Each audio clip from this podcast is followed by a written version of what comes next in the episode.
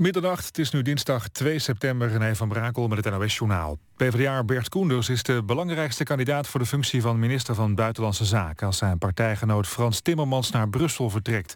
Die is voor Nederland de belangrijkste kandidaat... voor een functie bij de Europese Commissie. Hij kan daarvan de eerste vicevoorzitter worden. De komende dag praat hij erover met de nieuwe commissievoorzitter Jonker. Bert Koenders was eerder minister van Ontwikkelingssamenwerking... en nu leidt hij de VN-missie in Mali. Apple onderzoekt of naaktfoto's van vrouwelijke beroemdheden zijn gelekt naar het hacken van iCloud-accounts. Het bedrijf zegt tegen een Amerikaanse technologie-site dat ze de privacy van gebruikers erg serieus neemt en de zaak onderzoekt. Meer wil Apple er nu niet over kwijt. Afgelopen weekend lekten de foto's van de bekende vrouwen uit. Het zou onder andere gaan om Jennifer Lawrence en Kim Kardashian. De hacker zou een lek in een andere dienst van Apple hebben gebruikt om aan de foto's in iCloud te komen. Een Duits roddelblad moet 100.000 euro smartengeld betalen... omdat het stiekem foto's had gemaakt van de Zweedse prinses Madeleine... tijdens haar huwelijksreis. Het is een van de hoogste bedragen die ooit in Duitsland zijn opgelegd... voor het schenden van de privacy. Maar het blad kan nog tegen de uitspraak in beroep. Ook een Zweeds blad nam de foto's over, tot woede van het stel. Madeleine is de jongste dochter van koning Karel Gustaf. Ze trouwde in juni vorig jaar. Ajax heeft zich op de valreep versterkt met Niki Zimling. De Deetse middenvelder wordt gehuurd van FSV Mainz. Hij speelde eerder al eens voor NEC. Zojuist om middernacht is de transfermarkt gesloten... en kunnen spelers voorlopig niet meer van club wisselen. Het weer in het westen bewolkt en kans op een bui. Lokaal kan vannacht ook mist voorkomen. Het is een graad of 10. Overdag eerst wat wolken, later zonnig. Een kleine kans op een spatje regen. Het wordt maximaal 22 graden. Dit was het NOS Journaal. NPO Radio 1. VPRO. Nooit meer slapen.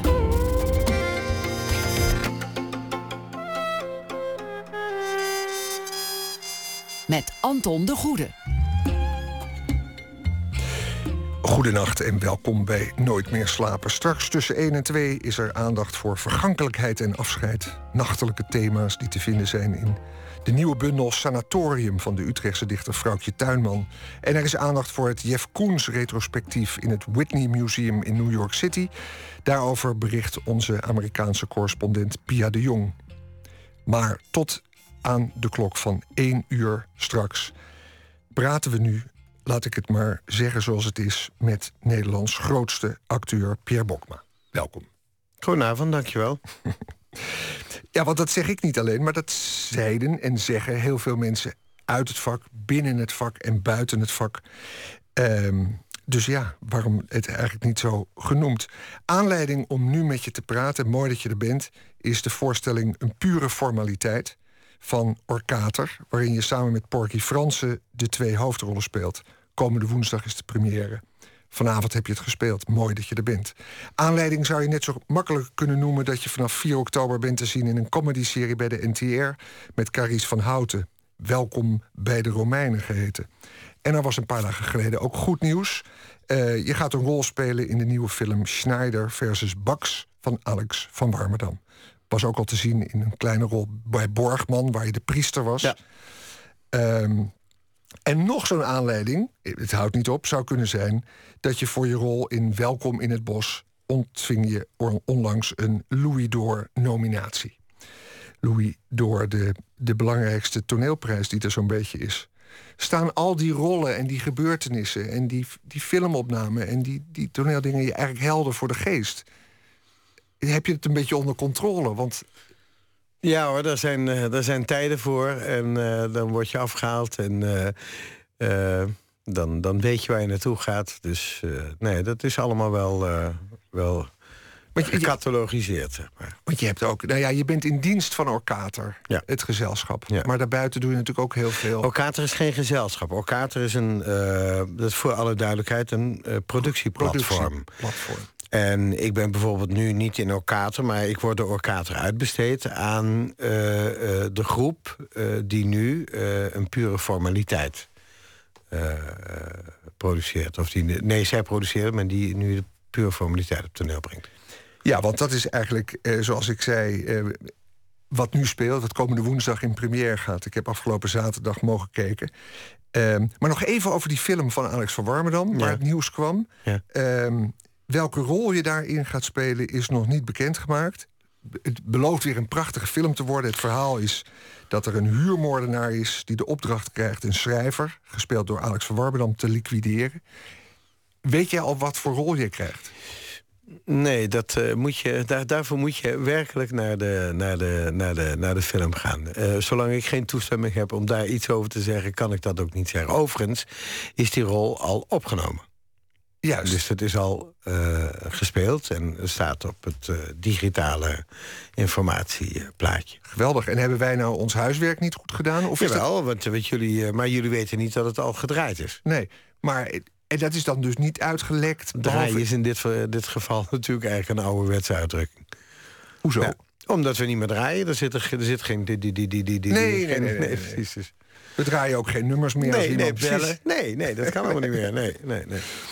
Um, nogmaals, het klinkt van alle kanten. Hè. Als je over jou uh, je licht uh, opdoet bij mensen binnen en buiten het vak... dan is er alle lof. En dan is een heel veel gehoorde uitspraak... hij speelt zijn rollen niet, hij is ze. Um, om een voorbeeld te noemen, in de tv-serie De Prooi uit 2013... was je Rijkman Groening van ABN AMRO Bank. En je hebt dat zelf nog een keer geschetst... dat je naar jezelf zat te kijken... en dat je de verkrampte hand die ja. Rijkman Groening ja. ook had... zelf weer kreeg. Ja, toen je ernaar zat te kijken. Ja, ja, ja, ja, ja. En dat was ook wel omdat ik uh, oplette of ik hem. Uh, of, de, uh, of dat continu was. Of dat continu was? Ja, of ik, er zit er geloof ik, als je goed kijkt, zit er geloof ik één scène in waarin ik hem vergeet. en toen schoot het er onmiddellijk in. dacht, oeh. En een ander voorbeeld noemde iemand die zei van ja, de andere acteurs uit De Koopman van Venetië in 2008, na afloop zie je ze opgelucht lachen en buigingen maken in zo'n rij op het, mm -hmm. op het theater, op, op, op het toneel. Maar jij als Shylock had nog steeds de woeste, stuurse Shylock-blik waarmee je de zaal in keek. Ook tijdens het applaus. Je was echt die rol. Ja, dat, dat, dat kan je zo interpreteren. Maar uh, het is omdat ik dan denk, volgens mij is het niet helemaal gegaan zoals ik dat gehoopt had. En ben daarover dan wat onbeleefd uh, uh, uh, tegenover het publiek. Dat klapt natuurlijk. ben daarover nog de, ja, in, in dubio wat ik, wat ik wel en niet had moeten doen. En hoe het kwam en hoe het beter kan. Mm -hmm. Maar het is weer niet zeggen dat ik een. Dat ik een. een, een, een, een, een dat, dat je zo. fanaticus ben, maar alleen zit me dat dan dwars. Ja. En dan is het rot. En dan kan ik het niet verhullen. Nee. Zeg maar. En dan is het ook rot om een applaus in ontvangst nee, helemaal niet. Nee, nee dat Nee? vind ik wel. Maar ik denk, oh, god, dat, dat, dat zat namelijk eh, in, in, in... Dat is een extreem moeilijke rol, eh eh, Shylock. Een extreem moeilijke rol. Omdat je moet proberen om niet eh, juist nu, eh, eh, zeg maar, eh, de, de stereotype Jood uit te hangen. En daar moet je zo ver van blijven dat je bijna vergeet dat... eh, de figuur geschreven is in een, in, een, in een tijd en in een stad waarin het wel eh, iedereen eh, de Joden stigmatiseerde. En ergens zit je tussen het heden en, en de situatie die Shakespeare heeft geschreven. Dus dat is heel ingewikkeld. En daar probeer ik wel een soort midden in te vinden. Dat lukte, dat lukte niet echt, moet ik zeggen. En niet iemand spelen, maar iemand zijn. Herken je dat beeld wel? Ja, dat is een, dat is een veelgehoorde uitspraak. En eh, dat, dat, dat is een. eh, eh, je moet zeggen, dat is natuurlijk altijd een compliment. Aan de andere kant, eh, dat compliment, ja, dat, dat, dat, dat, dat geeft ook wel weer een soort armoede weer. Zijn is als je natuurlijk in de figuur gelooft. Dat kan je meteen doen, dat hangt af van, van, van wie je naar kijkt. Maar het kan ook eh, eh, dat, je, dat, je, dat je zegt, ik, ik, ik gooi het allemaal bij elkaar. Je was het.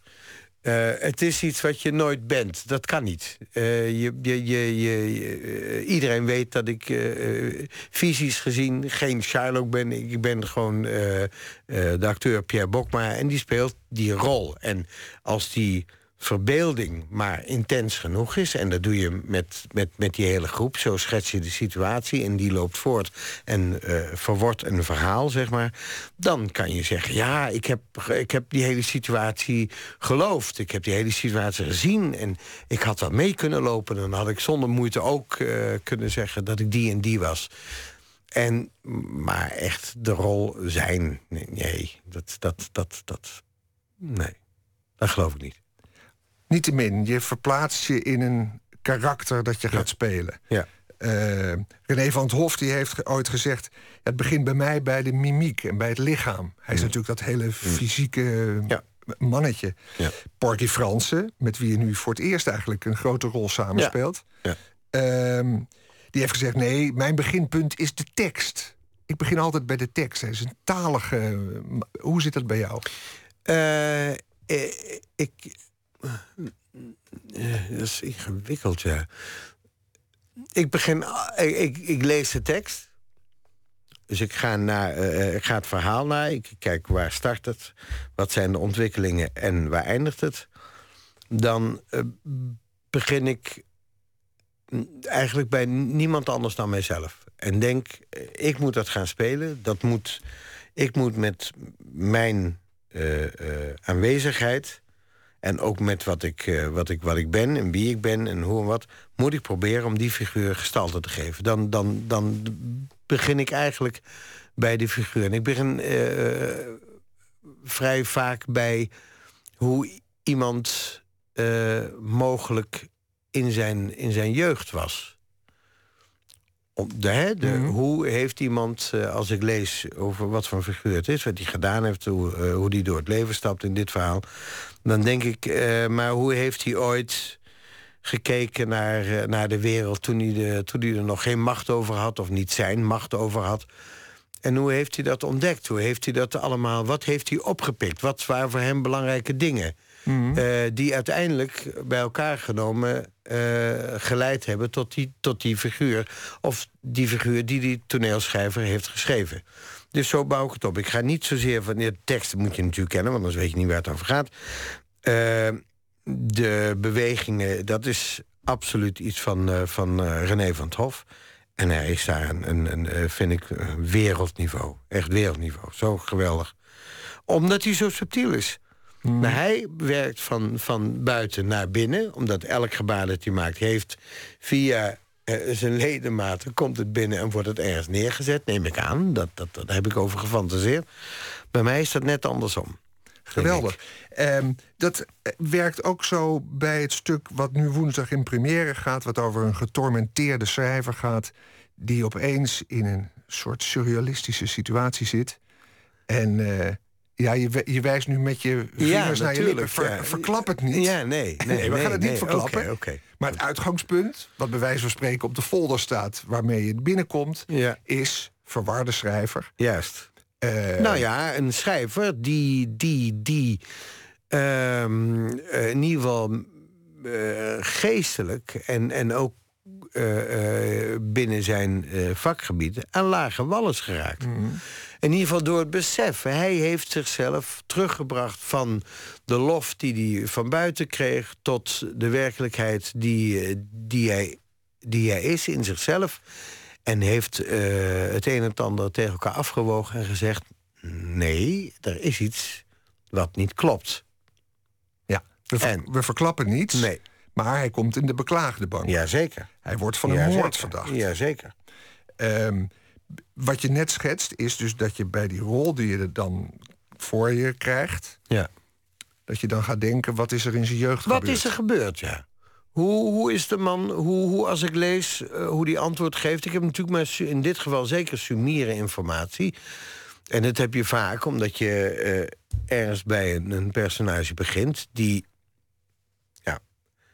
een hele, heel leven voor zich heeft gehad. Dat belichten we niet. Nee, we belichten dat omdat dat in het kader van een verhaal staat. dat, dat, dat kader belichten we en dat wordt een stuk.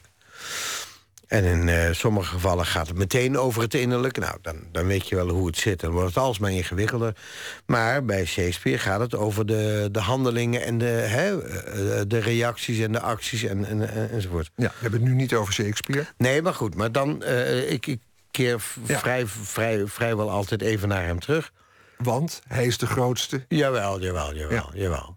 Juist omdat hij zich niet laat verleiden tot het, de, alleen maar de pure verinnerlijking.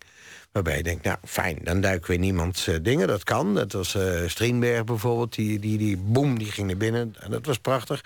Shakespeare is iemand die precies maat houdt daartussen de, de, de acties van zo iemand, de, de gebeurtenissen roepen vragen op over het innerlijk. Het innerlijk uh, doet het publiek verwachten dat er ook wel weer iets aan zit te komen uh, in het uiterlijk. Hij zal wel weer eens iets doen wat, wat niet in de haak is of geestig is of weet ik veel wat. Ja. Dus die. Uh, maar ik, ik, ik, ik, ik heb hier bij, bij deze figuur, met name deze figuur was het, was het heel moeizaam. Wat heeft hem tot schrijver gemaakt? En ik, dan denk ik aan mensen om me heen en denk, hoe heet u dat? En wat is nou zijn, wat is nou zijn karakter? Het is een ijdele man, extreem ijdele man, want ook hij laat zich uh, de lof niet, uh, niet ontnemen. En, en verwordt ook tot de figuur. Hij verwordt eigenlijk de lof van de buitenkant. En dat is natuurlijk uiteindelijk het gevaar van elke uh, kunstenaar of, of elk mens, denk ik. Als de waardering van buiten voor jezelf ook de enige waarheid wordt, is er geen zicht meer op ontwikkeling. Wil je dat nog een keer herhalen? als het, er is geen zicht meer op ontwikkeling op het als, moment. Als de, uh, de lof van buiten of de, de mening, hè, de, de, de opinie van buiten, je, uh, je eindwaarheid wordt het einde, het einde. Het gaat over een heel gevierde schrijver. Ja. Hij is uh, ja. Harry Mulisch. Uh, achtige ja, proporties. Men, men, men, kent zijn maar werk. Harry, Harry Mulisch was, buiten dat hij een geweldig schrijver was... die hield zo ongelooflijk van zichzelf... dat hij zelfs de lof van buiten niet nodig had. Nee, nee. nee, nee, nee. Los van dit stuk, het gaat ook over herinnering. Ja. Um, wat herinnert deze man zich wel wat herinnert hij zich niet? Ja. Uh, dat is een belangrijk onderdeel. Um, is dat herkenbaar? Ja, omdat ik denk dat alles herinnering is. Zolang wij niet weten wat het hier en nu is en dat allemaal voortgaat en dat een ondefinieerbaar punt is, is alles wat, uh, wat, wat jij en ik hier nu doen. Alles wat gezegd is, elk woord dat uitgesproken is, dan door over de ether en weet ik allemaal wat en het sterft weg, is uiteindelijk herinnering. Alles is herinnering. Je hebt in Groningen Douwe Draaisma. Dat is een uh, geheugendeskundige. Hm. En die heeft wel eens geschreven dat de vroegste herinneringen van mensen heel erg essentieel zijn. Ja. Heel vaak iets zeggen over ja. hè, een karakter. Ja. Uh, Nico Scheepmaker, die heeft ooit, en dat vond hij Douwe Draaisma prachtig, iedereen die die interviewde naar zijn vroegste herinnering gevraagd. Ja. Ja. En daar is hij mee opgehouden. En Douwe Draaisma die schreef op een gegeven moment Waarom? van wat zonde. Hij- ja. Nou, omdat hij... Ja, dat deed Hij in zelf Nederland. eh, een beetje... ik zelf in. In ieder geval, het is gestopt. Ik denk met het, eh, ja, met het ophouden van Nico Scheepmaker kwam dat. Ik ga jou vragen naar je vroegste herinnering. Maar die mag je dan vertellen nadat we muziek hebben gedraaid. Mooi. Waar we nu naartoe eh, gaan. Dus dan hebben we een cliffhammertje voor na de muziek. Die muziek is van de Franse soulzanger Ben L'Oncle Soul. Die ooit bekend werd omdat hij zelfs van een nummer van de White Stripes een swingend soulnummer kon maken. Eh, nu is er een tweede cd, A Coupe de Rêve, getiteld. En daarvan is hier het nummer Walk the Line.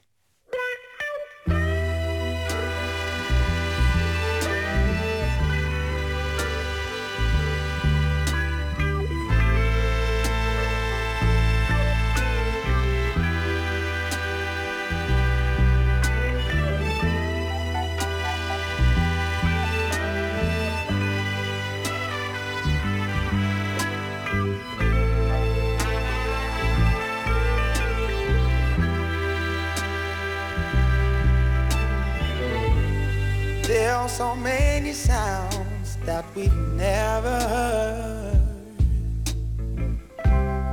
Many things your eyes haven't seen beyond the veil. And when we speak of freedom, do you feel the words? Are you hurt by the taste of your own strength? In this life,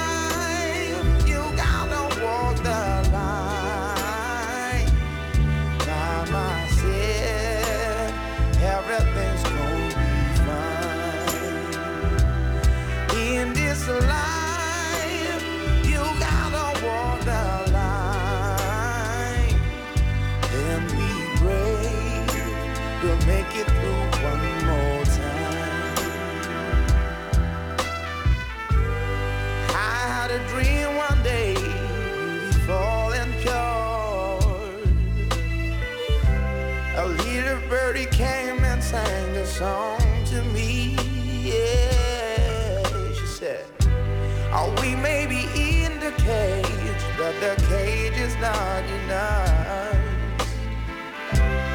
Don't you let nobody hold you back. No cage strong enough to bind me. Yeah. And God has a perfect timing. Yeah. Brother, tomorrow your day is coming. Tomorrow your time is coming. And this life,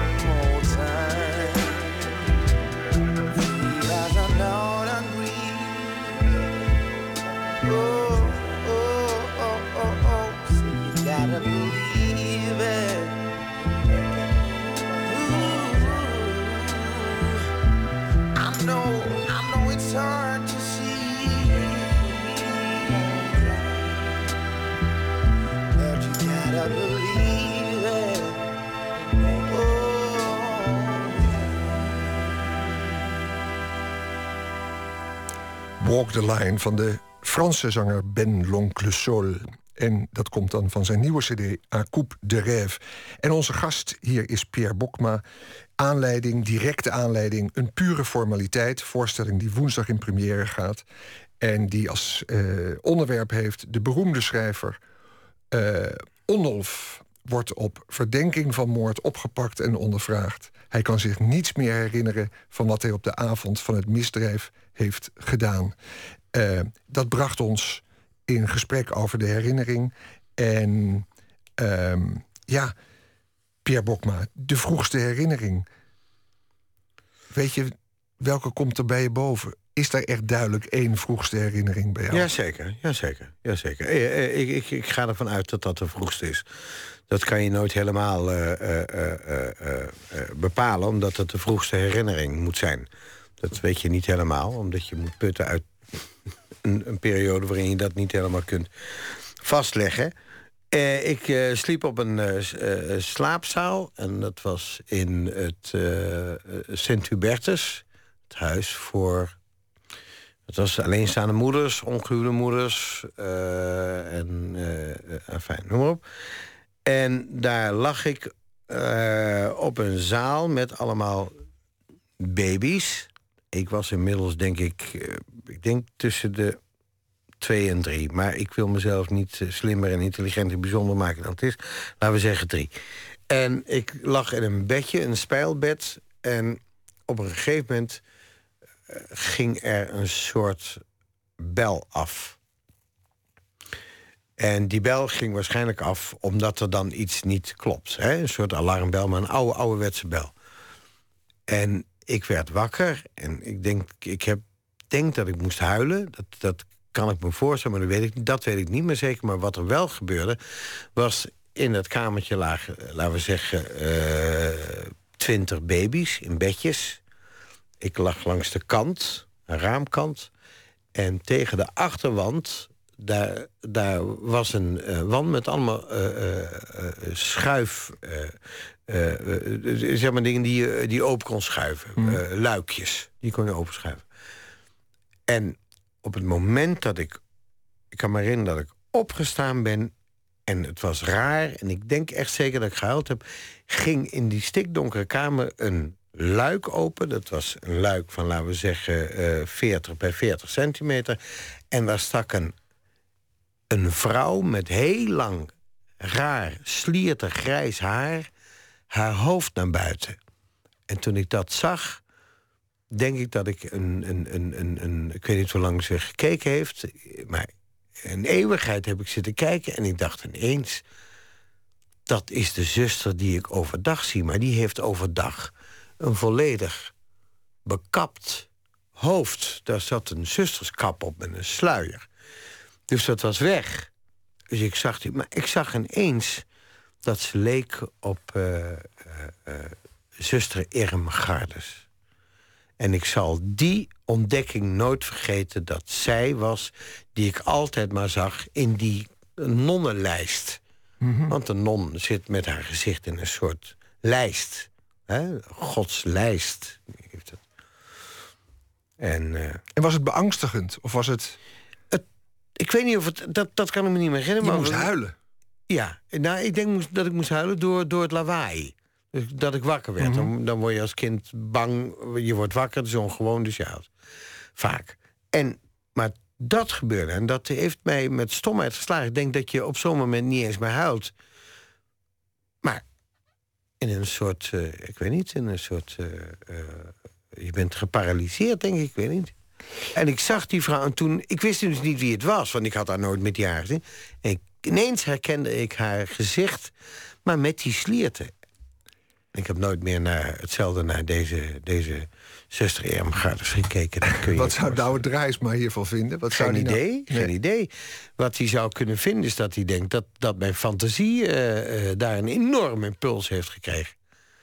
En gedacht, nou, als je altijd denkt aan een non in zwart met een witte kap of een half witte kap, en dat is een instituut, hè? dat staat daar en dat, dat doet. En het is vriendelijk, het is hartstikke geweldig, weet ik wel. Maar dat s'nachts... Kan me herinneren ook dat ze een soort wit, wit, wit hemd aan had.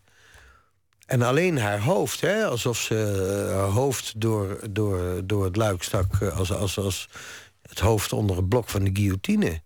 En, je zag dat haar. Ja, en het, dat is dezelfde persoon, maar dat was een totaal andere figuur. Het voedde jouw, jouw fantasie. Denk ik, weet ik niet. Ik weet niet wat scheepmakers, die is de kundige, deskundige. Ja. Ik weet niet. Uh... Gijs Scholte Aschat, jouw vriend en jouw, de mede-acteur... die heeft een keer gezegd van ja, die Pierre, die Pierre die speelt waarschijnlijk zo goed. Dat moet te maken hebben, waarschijnlijk...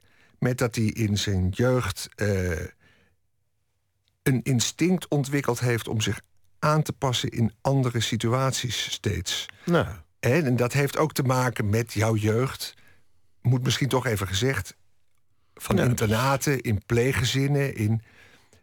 Want, ja, dat klopt. Ja. Nee, nee, dat, dat, dat heeft hij goed gezien. Ja.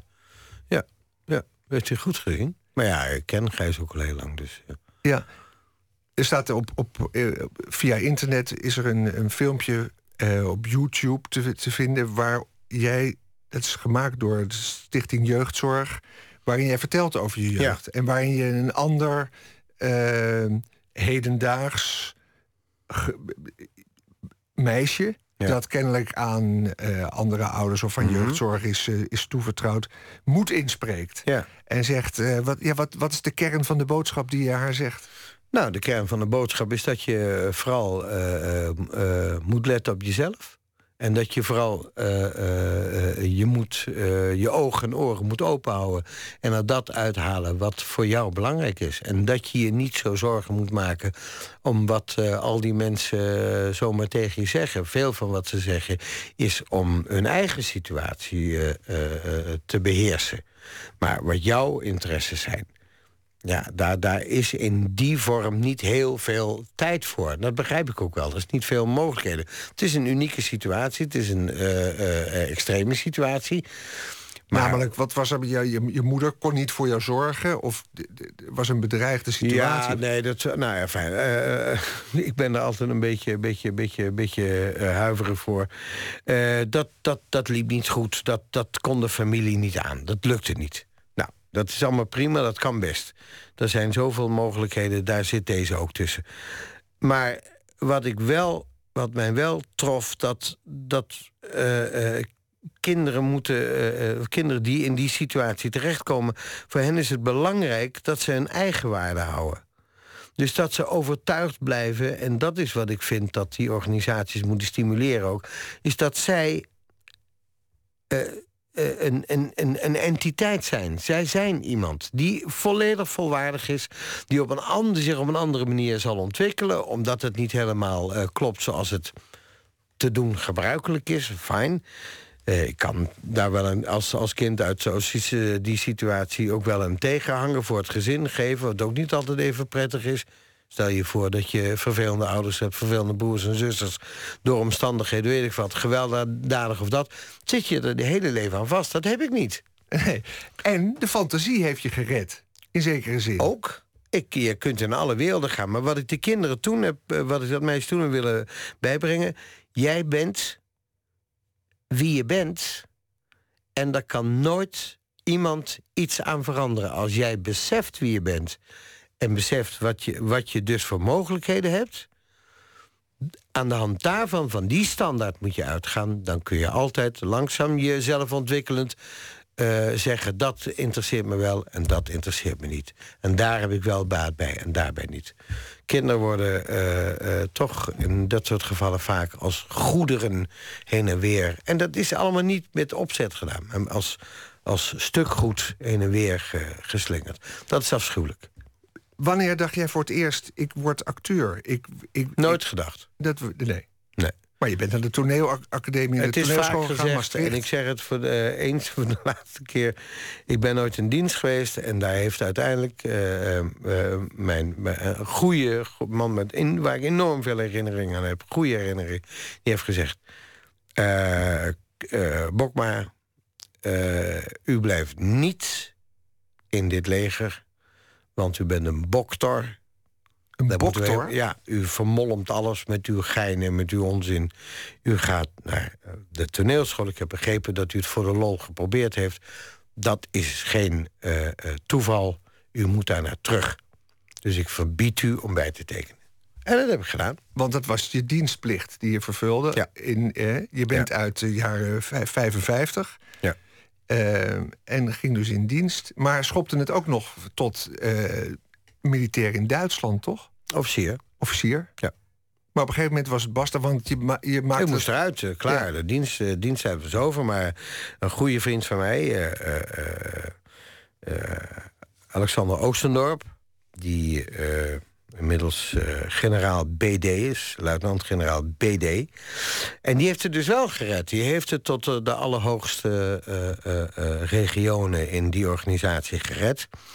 En nou is het ontzettend jammer dat de huidige chef staf Staven heet Middendorp. En ik had zo graag gewild dat het Oostendorp was geweest. Mijn goede Maar- vriend. Ja, maar ehm, even nog terug. In de, geboren in 1955. Dat betekent dat je dan 60, jaren 70 eh Ja, dan moet je- rijp bent voor de je- militaire dienst. dienst, ja. Maar dan was toch in jouw kringen het allerhoogste dat je kon krijgen S5 Nee, afgekeurd? nee, nee, daar heb ik, eh, had ik eh, geen enkele... eh, dat interesseerde me helemaal niet. Nee, S5 werd op een gegeven moment zo'n doorgestoken kaart. En dan... Want voor de mensen nu- Dan spuurt hij absies en dat vond ik zo'n lulkoek. Voor, voor, voor, voor de jongere luisteraars nu, die wilde je dan laten af... putte zich uit als je die verhalen nog hoort. En nou, ik heb dat gedaan, ik heb zus gedaan. Het is allemaal wel geestig, er zitten hele geestige pogingen tussen. Maar ja, kan mij dat nou schelen? Ik bedoel, als je het doorziet, is het klaar. Die artsen hebben dat ook doorzien. Die hele legerleiding heeft dat doorzien. Die wisten, ja, dat calculeren we in. Zo, is de, eh, de, zo, zo vaart het maatschappelijke schip nu. Dat is, de, eh, dat is het, eh, het weerbericht. Nou, dan, dan doen we dat toch zo. Maakt niet uit. Er zijn genoeg boerenjongens uit Zeeland en anderen die dat opvullen. En de rest de quasi, eh quasi slimmerik en de quasi eh, upstarts. Die voeren we af natuurlijk. Die hebben we ook helemaal niet nodig in, dat, in die dienst. Want Nee. als we ze invoeren, dan maken ze amok. Ja, en zo was jij dus niet. Maar je maakte toch wel een soort vorm van amok, als ik het zo hoor. Want ze wilden eigenlijk toch ja, liever kwijt dan rijk. Nou, ik was wel een. eh, nee, ik was een. Ik was een. eh, ja. Een vrolijk iemand. Vond het leuk. Maar ik hield me aan de andere kant ook wel. eh, volgens mij. op een aardige manier aan de, aan de, aan de, aan de, aan de verstandige psychologie van, van, van, van, van dat regime. Ja, en, en, want dat intrigeert me toch. Je gaat naar een toneelschool, dat is een, een, een opleiding die je niet zomaar uh, haalt, toch? Dat is een strenge selectie en dat wilde iedereen wel. En, uh, ja. Maar kennelijk, ja, ja, je hebt misschien zo'n groot talent. ik was aangenomen hè, voordat mm ik in dienst ging. Ik was verbijsterd. Ik dacht, nou, dat is lekker. Dan ga ik nog naar een andere, ga ik andere dingen kijken... wat ik allemaal, allemaal nog leuker vind. En ik vond het maar, vond matig interessant. En toen kwam ik terug, omdat uh, die meneer dat gezegd had in dienst. En toen dacht ik, nou, eens kijken of me dat nog een keer lukt. Want na, na, na, na we hebben 2,5 jaar of zo, moet je het opnieuw proberen. Dan is, ben je afgeschreven, dus dat, dan, dan moet je opnieuw examen doen. Toelatingsexamen. Ja, maar de, de, de, er spat niet de enorme ambitie vanaf... die je zou verwachten bij iemand voor wie het toneel ooit echt alles is. Nee, maar dat is, dat is, daar, daarmee raak je ook meteen aan de, aan de kern van een van de vallen waar heel veel mensen in lopen. Namelijk? Als je iets extreem graag wilt, dan doe je er dingen voor die ervoor zorgen dat het niet wordt wat je hoopt omdat je zelf eigenlijk al je hoop opvreet, al je, al je, al je, al je mogelijkheden opvreet. Je vult, je gaat dan invullen wat jij denkt dat de ander van jou moet vinden. Nee, dat vind je zelf al. Hmm. Als je gewoon bent uh, op toneel en je, en je probeert een, dan laat het aan de ander over. Die zijn niet dom, die, zijn niet, die hebben genoeg gevoel, die hebben genoeg uh, fantasie en inlevingsvermogen. Die willen dat ook, zeker als ze daar zitten. Dan moet je niet mensen iets opdringen. En, en mensen, eh, dat is, dat, dat is een, het kwantum van, van, begrijp je, dat is dat, uh, dat, dat, dat, dat ondeelbare deeltje. Uh, mensen voelen het, mensen, mensen weten dat het zo is. Grappig, mooi. Dus je, je, je, je, je ontneemt ze iets wat ze niet kunnen benoemen, maar ze zullen zich daar op een of andere manier toch uh, aan aanpassen. En zullen, uh, zullen weerstand hebben. En ze weten niet eens waarom, maar ze zullen weerstand hebben. Daarom is het bij premières dan ook vaak zo moeilijk om te zeggen dat je het lelijk vindt.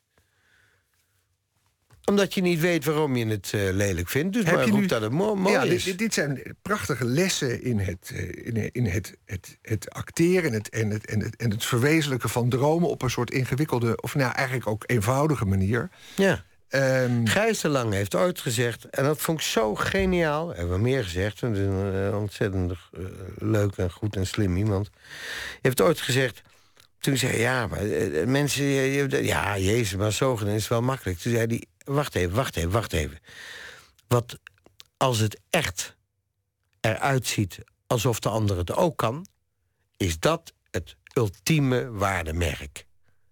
Als jij denkt, dat kan ik ook. Als jij goed beïnterviewt, mm. denk ik, ja, kan ik ook.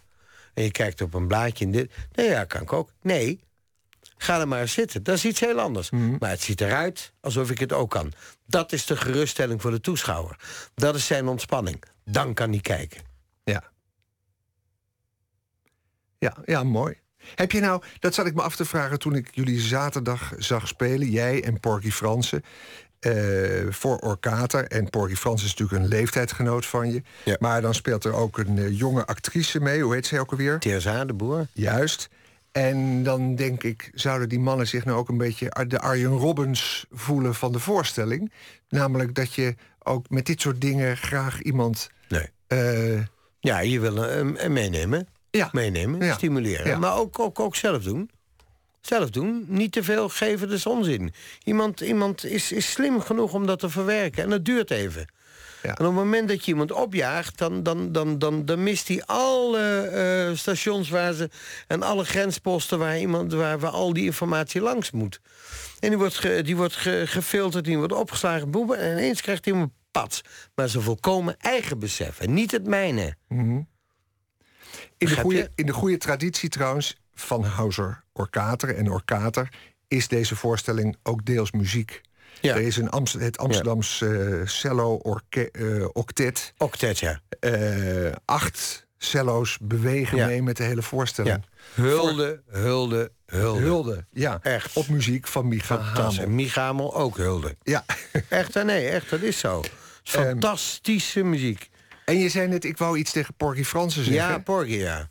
Want wat is het geval? Nou, Porky is, uh, is, is uh, geblesseerd. En uh, nou, wat, ik, wat de luisteraar nog niet weet, maar jij en ik wel... hij zou hier eigenlijk het programma vullen. En dat wordt, zou even goed en beter gevuld zijn als ik.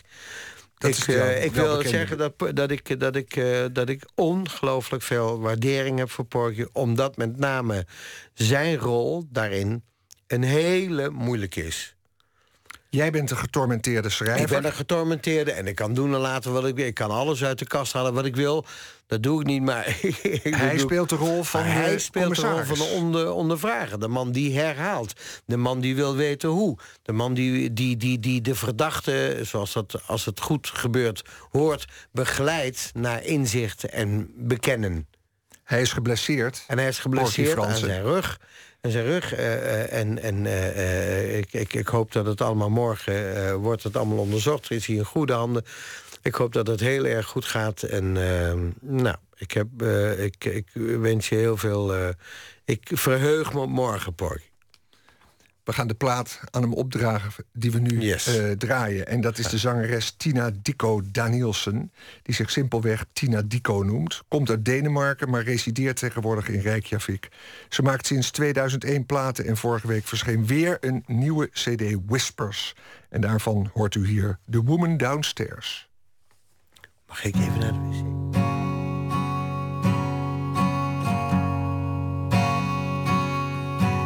I ceremonially undress. For she who in my dreams reveals how she longs and she cares.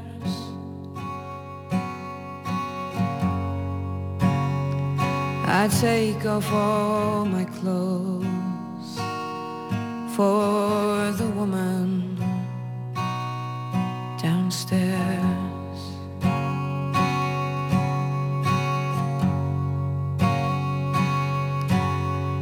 Faded cotton shirt, a woolen jacket from a time when he still answered my prayers.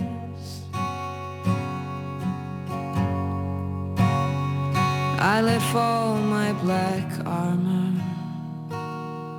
for the woman downstairs.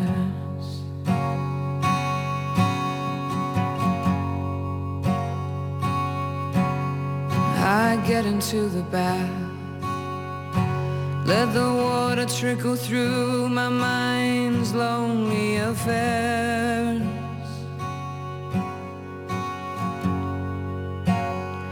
I give my longing body to the woman downstairs.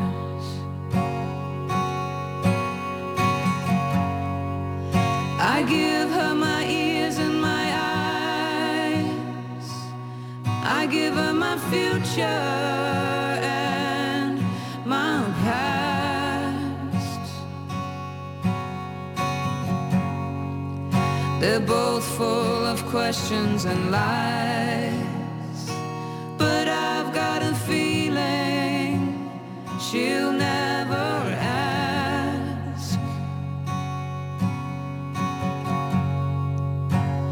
Where I'm going. Well, I'm going down to the woman downstairs. In my dream, I lay her on a blanket. I'll bury stain the fragile dress she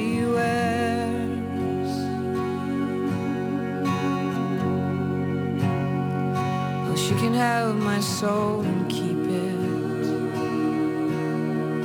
The woman downstairs. I give her my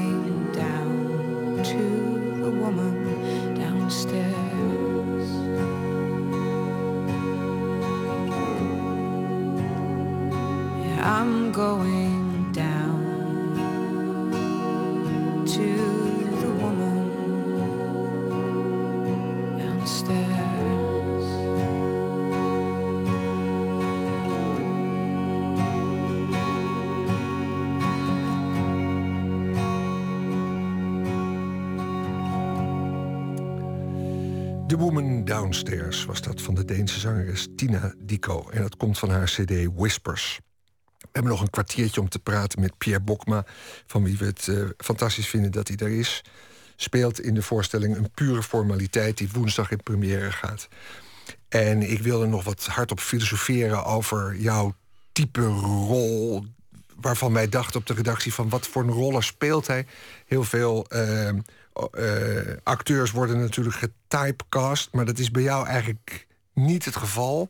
Je speelt heel veel verschillende rollen en toch meenden we een rode draad te ontdekken. Oh. Maar dat zullen we dan zo meteen Oké, benoemen. goed, Want jij goed. zei tijdens de muziek... Ja. ik wil zo graag een minuutje besteden aan Orkater. Over Ja. wat, wat zij nou eigenlijk Ja. doen. Ja. En je zei eerder al van ja, de Orkater is de, de handtekening. Eigenlijk het, het, het productie, platform, het platform, platform. waar Kijk, jij voor werkt. Aquaplaning, dat is eh, wat, eh, wat, wat, wat Orkater verzorgt. Die verzorgt dat producties op dat eh, filtertje veilig zijn. Ja. Daar wordt gestuurd en dan worden ze op begeleid. En dan worden ze... eh, elke, hè, eh, de meest diverse groep, als het maar muziektheater is... dan wordt dat door hen eh, eh, eh, bestierd en, en, en geregeld. Ja, en wat wil je nou precies daarover zeggen? Nou, is dat dat, eh, dat, dat een, eh, een platform is. Dat het absoluut uniek is in Nederland. Dat Mhm. Wat dat bestaat. Uniek is dat het een octopus is. Het is een platform dat zich heeft ontwikkeld als een octopus. Het heeft zoveel eh, tentakels. Het kent zoveel verschillende métiers. Zoveel verschillende... eh, eh, ja, moet het zeggen, zoveel verschillende vormen van theater en muziektheater.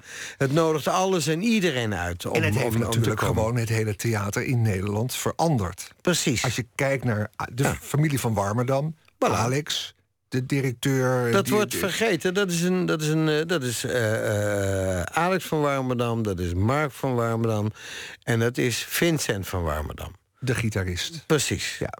De muzikus, de, Ja. de, de, de, de muze, zeg maar. Ja, en zij met ooit begonnen ook, achter, achter het brandscherm Ja, in de precies. IJmuiders. Met een vader als, als, als hoofdtechniek in Velsen Daar stonden ze opeens. Ja. En het sloeg in als een bom. Ja, en zij, zij, zij, zij hebben, en daar heeft met name Mark ook, eh, en, en, en eh, eh, Nicolien die daar zitten, maar iedereen ook.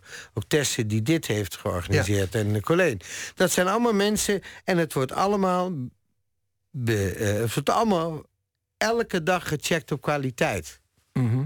Ja, fantastisch. Ehm, Dat het En- maar gezegd is. dat het maar gezegd is. En dat al jaren. Maar eh, ehm, moet het eigenlijk gezegd worden? Want, Ja, dat moet gezegd worden. want iedereen, het, het is toch common nee, knowledge? Ja, nee, dat is niet common knowledge. Dat, dat, dat, dat verwaait. Eh, Mhm. Elke dag weer.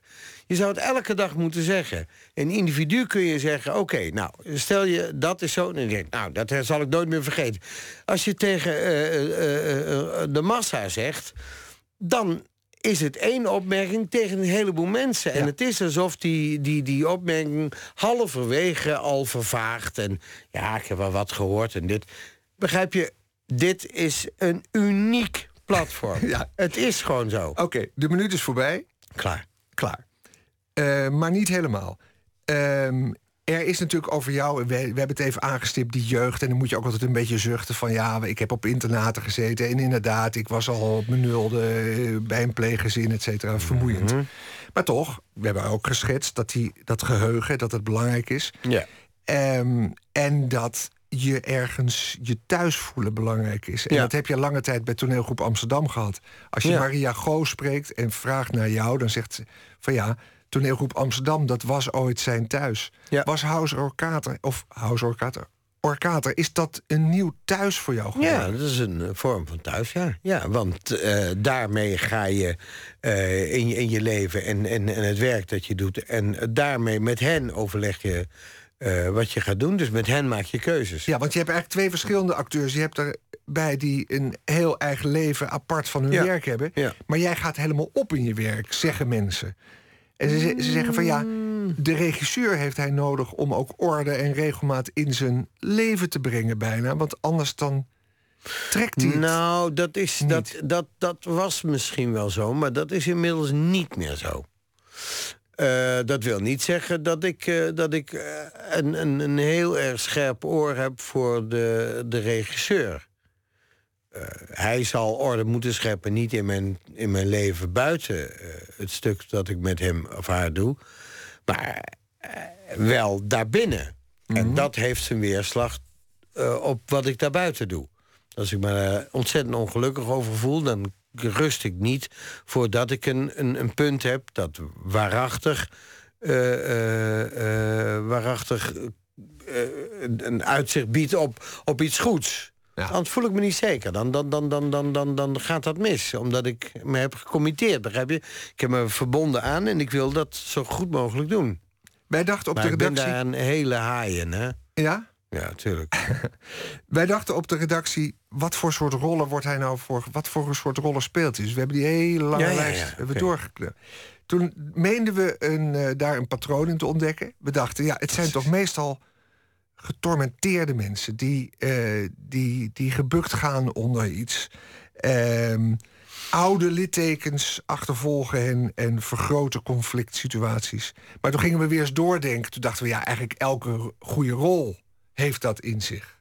Nou, we hebben ook, eh, ik heb ook heel veel eh, vrolijke rollen gespeeld. Ja, heb, maar ook zelfs in de comedies.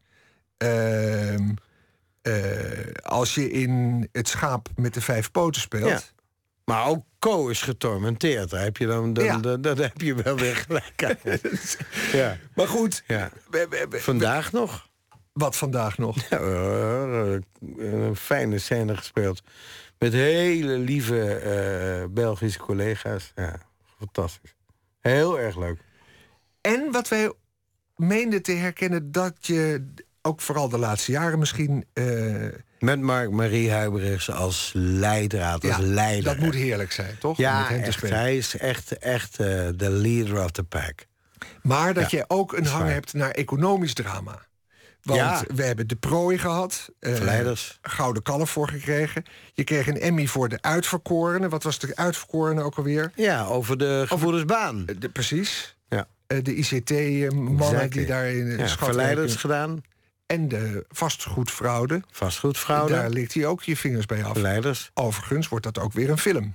Ja, wordt er weer een film. En we hebben ooit met eh, Johan Doesburg, niet te vergeten, deze regisseur, Johan Doesburg, hebben wij vastgoed van David Mamet gedaan. En wat trek je Alle zo, nom- nominaties gehad ook. en wat trekt jou zo aan in die zakenwereld?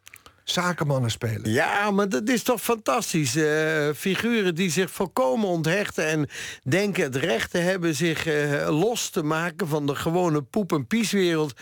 En te denken, weet je wat, eh, wat jullie allemaal doen, daar heb ik scheid aan. It's me, me, me.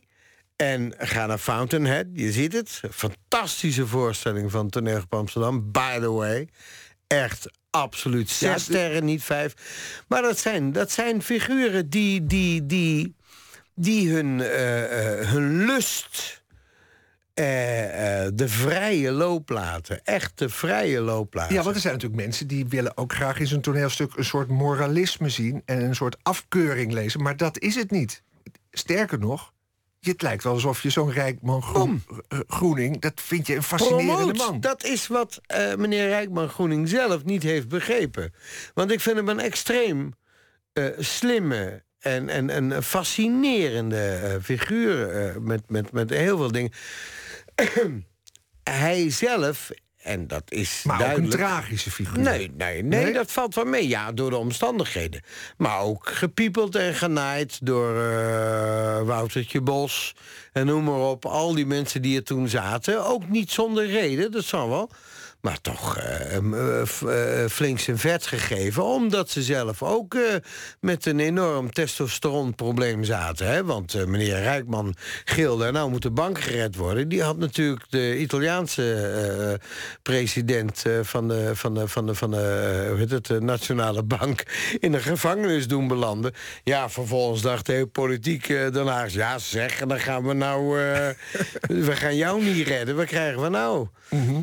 Maar het is natuurlijk gewoon, het zijn gewoon, uh, het zijn gewoon mannetjes die, die, die het, het, het zijn eenlingen, omdat ze zo slim zijn. en niet durven met elkaar te overleggen. Zullen we nog een laatste... Uh... Dikke lobbers van de vrede, je ziet het nu overal. Laten we nog even... Rijkman Groen, Groening is natuurlijk geweldig geweest... en dat, daar, heb, daar is heel veel over te doen geweest. Uh, in jouw rol naar dat boek van Jeroen Smit... Ehm, terug naar de voorstelling van overmorgen, die mhm. House voorstelling. Een pure formaliteit. Wat is nou het mooie daarvan, van die voorstelling? Het mooie daarvan is dat, uh, dat het uh, een, een, een, eh, een, een zeldzame combinatie is tussen het talent van Micha Hamel die de muziek voor de cello's heeft die geschreven. Die dus dat Amsterdamse cello-octet heeft uitgekozen met een fantastische uh, fluitiste daarbij, uh, Raffaella. En met een, een, een, een, een tekst van Tornatore, Giuseppe Tornatore, ooit verfilmd door Roman Polanski met hemzelf in de rol van de commissaris en uh, Depardieu in de rol van de verdachte. Eigenlijk speel jij dus wat Gerard Depardieu toen heeft gedaan. Nee, ik speel Nee, maar in ieder geval... je zin eens af? Wat wil je zeggen? Nee, nee, nee. Ik, ik, zei, uh, ik, ik, zei vanavond toen iemand zei... ja, ik, hij, hij speelt mij. En toen dacht ik, ja, wat een rare... ik moet even terug in de tijd gaan, ik speel hem. Maar goed, zijn, zijn rol. Ja. En uh, die film, als je die kunt krijgen, is een prachtige... het is een hele goede film. Ik zag hem op film. internet, maar daar is hij alleen in het uh, Italiaans. Ja, maar die is waarschijnlijk... Het gaat om una pura formalità. Una pura formalità van uh, Giuseppe Tor Tornatore. Ja, waar deze voorstelling dus op gebaseerd is. De muziek en de tekst is een bijzonderheid. Ja. Er is heel veel muziek. Sommige mensen vinden dat te veel. Ik vind dat niet. Uh, sommige mensen zijn helemaal epris van muziek. Sommige mensen zijn helemaal epris en willen van de tekst en willen die tekst horen. Dat wringt wel eens. Daar zijn we nog mee bezig, want dat, ja, dat is onontkoombaar. Maar beide partijen staan aan de toppen van hun kunnen. En uh, uh, zeker met, met, met Porgy, die het, het lef en de rol van zijn leven speelt echt. Het is mooi. Als is... commissaris. Let erop, dat is anders dan wat ik speel... omdat die van hem honderdduizend keer moeilijker is. En het is prachtig om jullie beide te zien. Het is een goede combinatie. En de muziek vond ik zeker niet te veel. En wat we niet hebben genoemd is... en dat, daarmee is het ook een echte orkatervoorstelling... de layout, hoe het eruit ziet, ja. Uh, is... Je weet niet of je de achternaam van Julian hebt, de decorontwerper. Een geweldige jongen. Hier heb je de kaart, pak ja, hem maar even bij. Even bij. Dat wil ik toch echt even zeggen ook nog zeg dat en dan kondig ik dit uur af. En dan gaan we alvast uh, uh, naar het volgende vooruitlopen. Straks na het nieuws namelijk is er nog een uur uh, Nooit meer slapen... terwijl Pierre Bokma op de kaart kijkt. Dikkie, je nou, Julian? laat ik dan nog even zeggen dat we straks gaan bellen met schrijfster Jowie Smits... die dagelijks een tekst voor ons schrijft... geïnspireerd door het nieuws deze week. En met Pia de Jong... Julian, waar ben je? Julian, waar ben je? staat er niet op. En met Pia de Jong die gaan we horen over Jeff Koens vanuit New York... want die heeft daar een uh, expositie. Dat en meer straks na het nieuws van 1 uur. En uh, we hebben een ode gebracht aan hoe de voorstelling is vormgegeven. Ja. En dat is dan... En dank je zeer hartelijk daarvoor. Nou, heel goed. Echt. En wij danken jou voor je komst. En iedereen naar het Niets theater. Komende woensdag heel de gewoon, voorstelling. Heel gewoon. Pierre Bokma, dames en heren.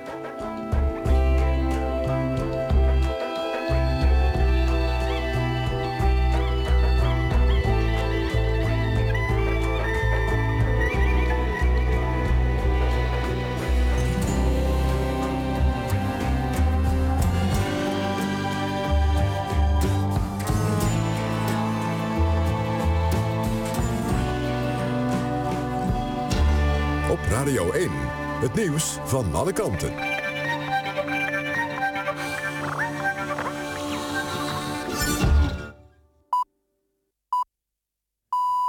1 uur, René van Brakel met het NOS-journaal. De burgemeester van de Aartsen van Den Haag heeft een lans gebroken voor de bewoners van de Schilderswijk. Het beeld dat het daar een poel des verderfs is, is volgens hem totale onzin die de mensen daar geen recht doet. Volgens hem is er een kleine groep van radicalen die een funeste invloed heeft op mensen in hun omgeving. Van Aartsen zei dat in het tv-programma Pauw. Hij verwacht dat er de komende tijd meer arrestaties worden verricht. Vorige week werden drie mensen uit Den Haag opgepakt... onder meer voor het ronselen van jihadgangers. Als de Russische president Poetin het wil... dan kan hij Kiev in twee weken innemen.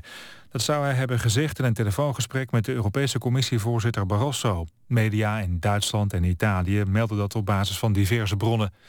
Poetin zou dat hebben gezegd nadat Barroso Rusland met klem vroeg... om zijn militairen uit Oekraïne terug te halen. De Russische president ontkent nog altijd dat Russische militairen in Oekraïne actief zijn. Maar de separatisten hebben eerder gezegd dat ze worden geholpen door Russische soldaten die zich vrijwillig bij hen aansluiten. Bij een grote politieactie zijn miljoenen namaakmedicijnen in beslag genomen. Het gaat vooral om pillen tegen erectiestoornissen. De middelen werden in Azië gemaakt en hebben volgens politieorganisatie Europol ingrediënten die een gevaar voor de gezondheid kunnen zijn. In de acht landen, waaronder België, Spanje en Groot-Brittannië, heeft de politie invallen gedaan. Daarbij zijn twaalf mensen opgepakt. Ook werden grote hoeveelheden contant geld en luxe auto's in beslag genomen. Ajax heeft zich op de valreep versterkt met Niki Zimling. De Deense middenvelder wordt gehuurd van FSV Mainz. Hij speelde eerder al eens voor NEC vier jaar geleden. Om middernacht is de transfermarkt gesloten... en kunnen spelers dus voorlopig niet meer wisselen van club. Het weer in het westen bewolkt en kans op een bui. Lokaal kan ook mist voorkomen. Het is vannacht 10 graden. Overdag eerst wolken, later zonnig en maximaal 22 graden. Dit was het NOS Journaal. NPO Radio 1. VPRO. Nooit meer slapen.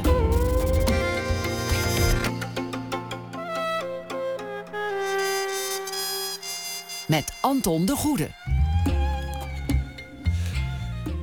Ja, welkom terug bij Nooit meer slapen. En wat brengt ons dit uur? Straks praten we met beeldhouster Lotta Blokker over The Hour of the Wolf. Een tentoonstelling in Museum de Fundatie in Zwolle. En we gaan horen vrouwtje Tuinman over haar bundel Sanatorium.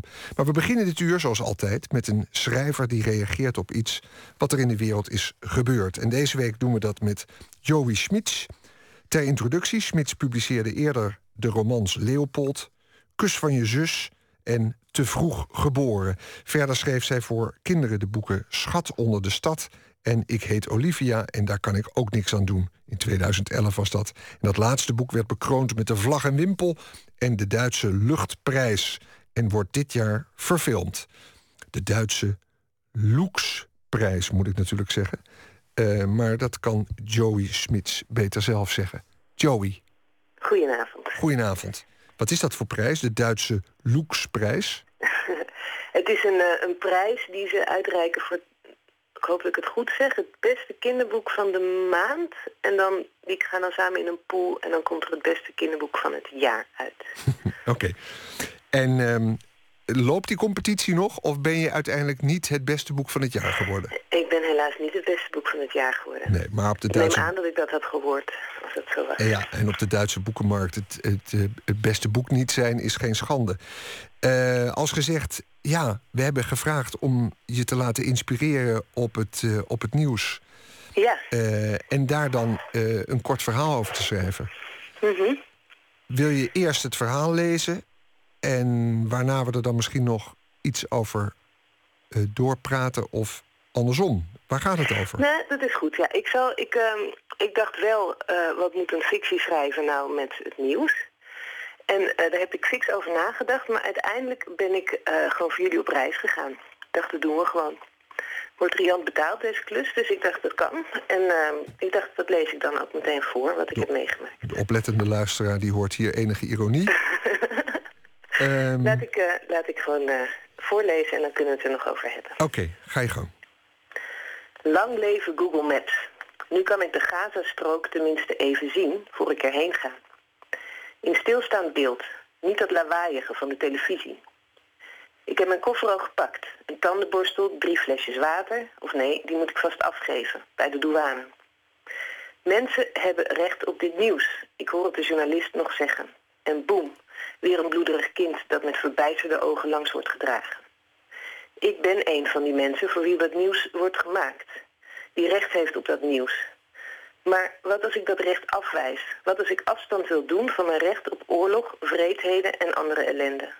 Ik kan er niets aan veranderen. Ik ga er, niet, ik ga er niets aan veranderen. Ik weet niet eens waar de Gazastrook precies ligt. Tot daarnet dan. Ik kijk nog eens naar de kaart en stop een flesje zonbrand in mijn tas. Dagen heb ik erover nagedacht, tijdens mijn grijze werk in de grauwe trein terug naar mijn straat waar nooit bommen vallen. Waar mijn enige opwinding de buurman is, die ik niet kan verstaan omdat hij geen tanden heeft en dat vergeet. Tot vandaag. Ik ga. Als ik dan toch passief publiek moet zijn, dan graag publiek dat met eigen ogen komt kijken, niet de ogen van een camera. Geen journalistieke cijfers die door geen enkel wetenschappelijk onderzoek worden ondersteund ongeveer zes doden geteld. Elf armen hier, twee opengescheurde buiken daar, één arm mist nog. Als er al een opengescheurd lijf wordt bekeken, dan het stuk dat voor mijn tent valt. Hier, in de medogeloze hitte. Want ik ben er, in mijn zinderende tent. Had ik maar water. De dag is nog nauwelijks om en ik heb al zin om me aan iemand over te geven. Daar, een meisje, met grote zwarte ogen. Ik kruip mijn tent uit, wankel even. Wacht, roep ik, ze hoort me. Sla me, smeek ik. Een blauw oog dan toch. Ik kan niet terug uit de oorlog zonder blauw oog. Het kind lacht naar me. Ze zwaait met haar speelgoedgeweer. Of misschien is het geen speelgoed. Sla me dan, zeg ik nog eens. Ze gaat op haar hurken zitten en kijkt me ernstig aan. Hier, ik wijs naar mijn oog en dan naar haar hand. Ze legt het geweer bij me neer. Met een gebaar van, hier, pak dan maar. Al dus Joey Smits. Ja, ik proef. ehm, als je het hebt over hoe er bericht wordt over dat Midden-Oosten conflict. enige ergernis. Maar waar erger je je dan eigenlijk aan? Nou, ik had, ik heb, ik, ehm, even denken, wat is een goed antwoord? Het, het nieuws op zich, zoals het wordt gebracht, daar heb je natuurlijk de keuze in. Je kan ook niet luisteren. Maar er zit iets ingewikkelds aan, want je wil wel weten wat er gebeurt in de wereld. En het afwijzen van beelden of van oorlog, gewoon een, andere positie ten opzichte van, eh, van het nieuws, ja, dat is lastig. Dat, en dat, dat is wat ik wilde onderzoeken. Ik dacht, ik ga de komende eh, tijd gewoon steeds proberen te kijken of ik het nieuws op zijn kop kan houden. En er een beetje aan schudden. En ik dacht, ik kies iemand die het gewoon eigenlijk afwijst. Die, die de journalisten afwijst. En als het dan toch moet, dan maar zelf gaat. Om niet helemaal, eh, eh, ja, niets te weten. Ik kan ook niet niets weten. Want, ja, dat kan wel, maar dan, ja, dat is ook weer zo'n keuze. Ja, want het doet me ook een heel klein beetje denken aan dat iemand van de VPRO ooit een echtpaar interviewde op straat. En daarvan zeiden ze in koor dat eh, er nu zoveel ellende in de krant stond en op de televisie te zien was dat zij hadden het buitenland afgeschaft. en dat is Ja. natuurlijk, dat is natuurlijk eh, toch het omgekeerde van wat jij zou willen. Eh, je moet niet je kop in het zand steken voor wat er overal gebeurt. Ja, maar je moet je ook afvragen of dat wat je allemaal te horen krijgt per se is eh, wat je moet horen. Is, is dit het nieuws?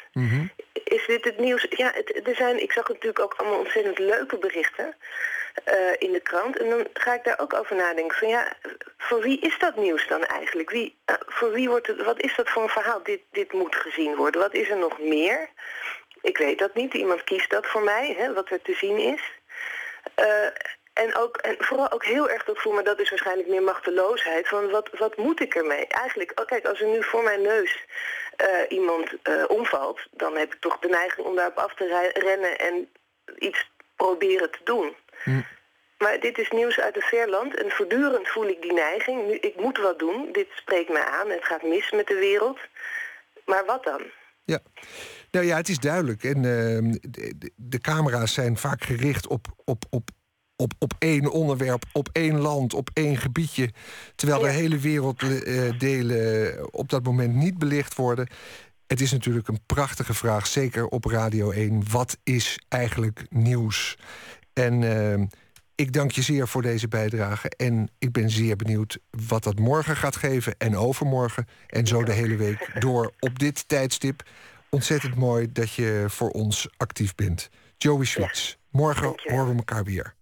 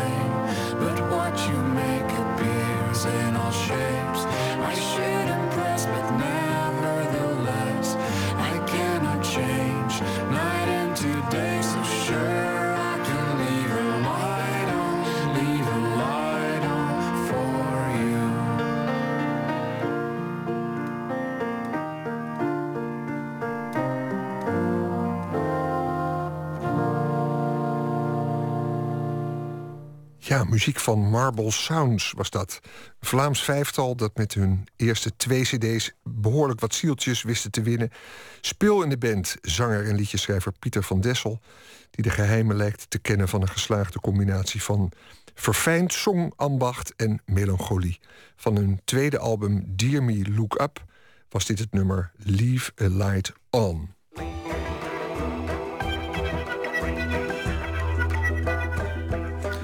Sinds eind vorige week ligt de nieuwe dichtbundel van vrouwtje Tuinman in de winkel. Sanatorium geheten. Een titel die het vermoeden voedt dat Tuinman haar thema van levenseinde en ziekte nog niet heeft laten varen. Een vermoeden dat juist blijkt te zijn, zoals verslaggever Matthijs Deen ontdekte. Niemand kan zo schrijven over vergankelijkheid en einde als vrouwtje Tuinman. Observerend, licht en hartverscheurend tegelijk. Haar nieuwe dichtbundel Sanatorium is van kaf tot kaf doortrokken van aandoeningen aan lichaam en ziel, telkens in compacte blokjes tekst alsof het medicijnen zijn in een doordrukstrip. Gedichten dragen dan ook namen van medicijnen, maar ook van ingrepen of mankementen. Tinnitus, allium, stillevens met citalopram, enkele van mijn mankementen. Maar het zijn nergens klinische verhandelingen. Er is zelfs geen verzet tegen de eindigheid van alles.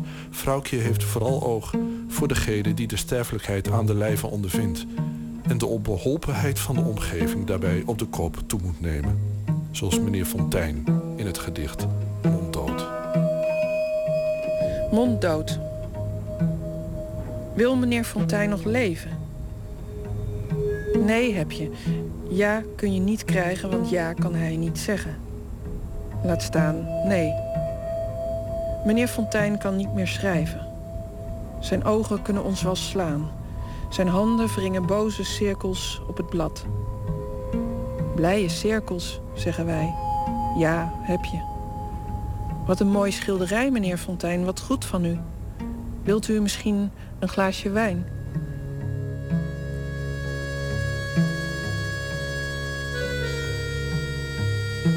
Was altijd al zo dat ik het liefst uh, alleen maar schrijf omdat ik het niet laten kan. Omdat het zo onaangenaam wordt als je het niet doet.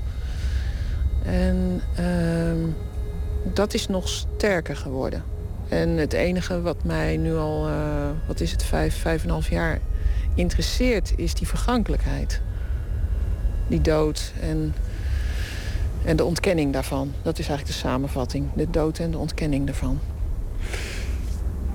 Als je, als je dicht over lichamelijkheid en ziekte, dan, dan, dan hoef je het dood niet eens te noemen. Maar dan gaat het daar natuurlijk in principe, dat zit daaronder op de loer. Ja, of je er nou eh, met volle teugen aan overgeeft... aan je lichamelijkheid of aan je ziek zijn of aan je gezond zijn. Want dat, dat is natuurlijk ook een hele cultus om dat uh, heel openlijk te zijn. Maar alles is een ontkenning van dat het binnenkort is afgelopen. Dat memento mori, wat het natuurlijk eigenlijk is... Ja ja, dat is inderdaad ook niet van gisteren. Nee, bepaald niet, lijkt me. Nee. De eindigheid is in feite een oneindig thema... omdat je er eigenlijk niet op uitgedacht raakt. Ja, maar uiteindelijk eh, denk ik dat het ook de enige zingeving die we hebben. Hoe bedoel je dat? Omdat het binnenkort afgelopen is, dat cliché, moeten we er nu iets van maken. Andersom, het, het ontkennen van de eindigheid is een zingeving in zich bijvoorbeeld door dat te doen, eh, door ontzettend aan je lichaam te werken. Of uh, alleen nog maar superfoods te eten. Of door je over te geven aan een religie die zegt uh, dat het maar een uh, zeer beperkt soort eindigheid is, omdat er daarna een echte oneindigheid komt.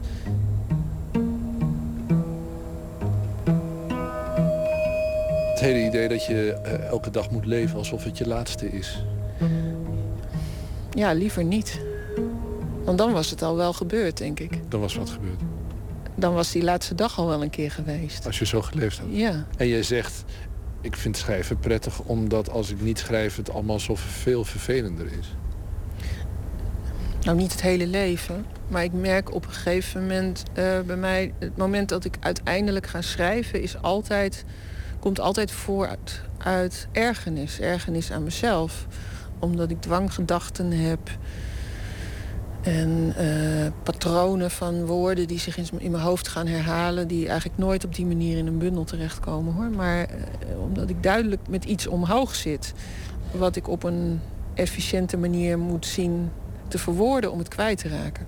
Het is altijd ergernis. Oh ja? Ik laat het ook altijd net iets te lang doorgaan, expres. Ben jij, ben jij boos? Ben je veel boos? Ik ben veel boos wel op mezelf, ja. Ik ben vervolgens trouwens vaak heel blij als ik dan iets geschreven heb en de dag daarna niet meer weet hoe ik dat eigenlijk gedaan heb. En het geeft dan altijd weer een deur naar verder gaan. Dat is het ook.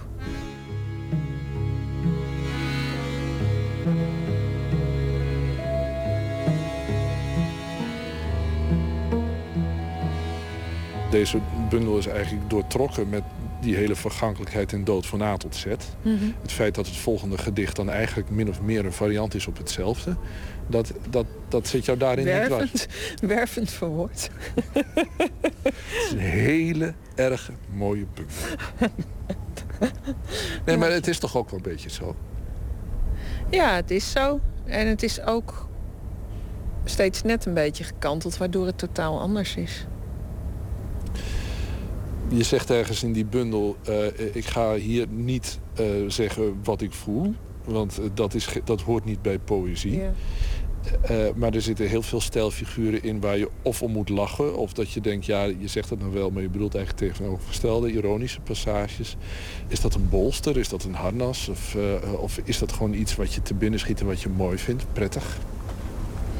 Uh, heel vaak is het gewoon zoals het in het echt een keer gebeurde.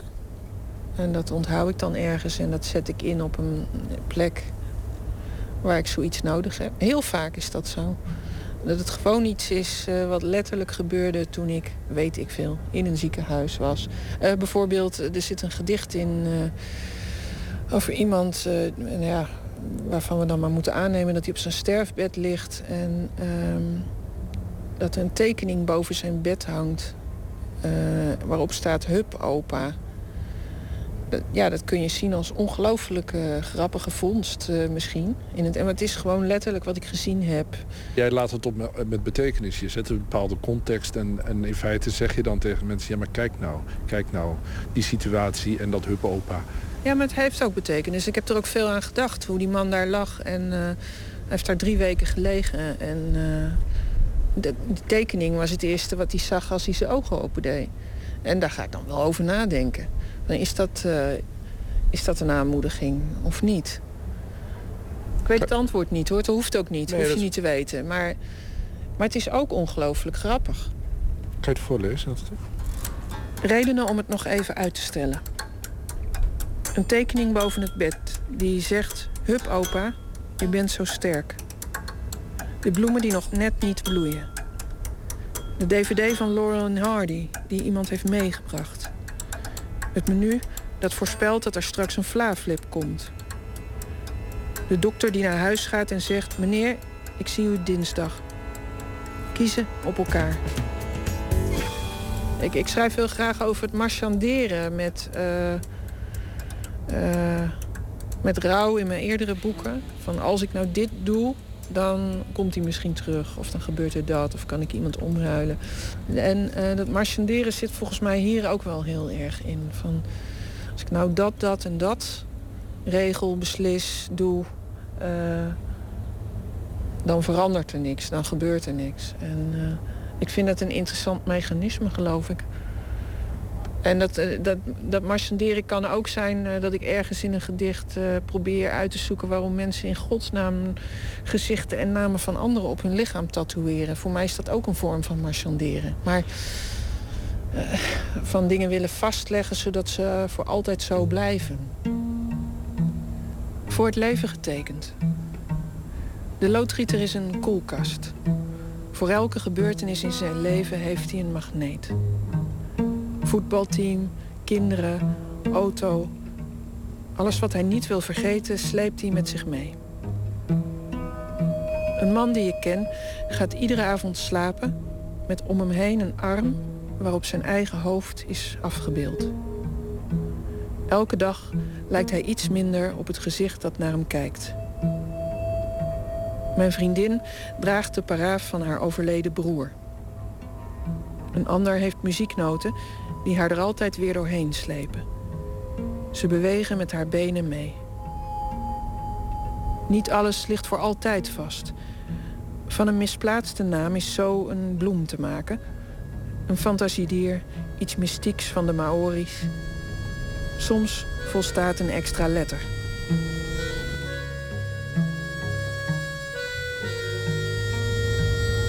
Het hele idee dat mensen willen vasthouden aan wat ze dierbaar is... en dat bij zich willen houden.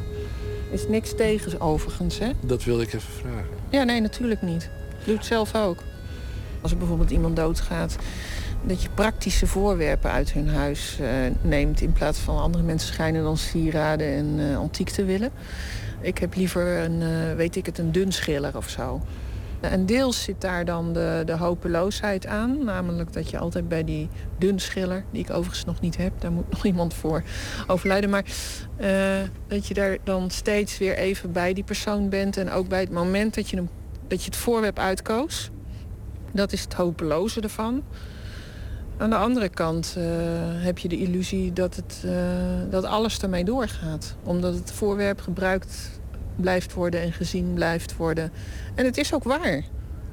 Dus, ja, dus de dienstbaarheid van die dingen, ja. die, die gaat door. En, en, en, jij, leent het, jij leent het een tijdje, ja. jij draagt dat een tijdje. Ja, het is wel hopeloos, maar het geeft ook daadwerkelijk veel nut. En er zit daadwerkelijk een nieuw leven in. Ja, nu wordt het hier drukker. Is dat erg? Nee hoor, het, eh, misschien kan je even beschrijven waar we zijn. We zijn in de tuin van een verpleeghuis waar ik best vaak kom. Mijn schoonmoeder uh, zit hier in Amsterdam in een verpleeghuis. En het is tevens een, uh, een leuke plek voor de wijk. Waar je, ja, dat mag ik vast niet op de radio vertellen... maar de drank is hier heel goedkoop en, uh, en het biljarten ook. En het leven mengt zich hier heel erg met, met het leven... Wat, wat de mensen eigenlijk willen wegstoppen en wat dan eindig is. En Hoe vaak per week? Die... Eén keer per week meestal ben ik hier. Ik weet, het, het, moet geen beroep worden. Dat vindt mijn schoonmoeder ook echt. die hamert daar heel erg op. Jullie moeten hier niet komen tegen jullie zin. Krijg je dat voor elkaar? Ik kan enorm met haar lachen. Laatst zei mijn schoonmoeder iets heel leuks tegen mij. Uh, zij zei, tegen mij kun je altijd alles vertellen. Ik ben het toch na twee minuten weer vergeten. Dat weet ze wel? Dat weet ze. En soms kan ze omgaan met die wetenschap. En dan maakt ze er dus, vind ik, een hele goede grap over. Die nog waar is ook. En het moet heel onmiddellijk zijn, want het is niet iets waarvan ze denkt... dat ga ik zo meteen vertellen, want dan is het kwijt. Ja, ja het, alles moet meteen. Maar dat vind ik heel prettig aan, uh, aan uh, Alzheimer-patiënten in het algemeen eigenlijk wel. Dus het is heel erg what you see is what you get. Ja, maar what you see ben je over een paar minuten weer kwijt. Ja, klopt. Maar op het moment zelf is het heel echt. Het is eigenlijk de vergankelijkheid in optima forma. Ja, ja, ja, ja.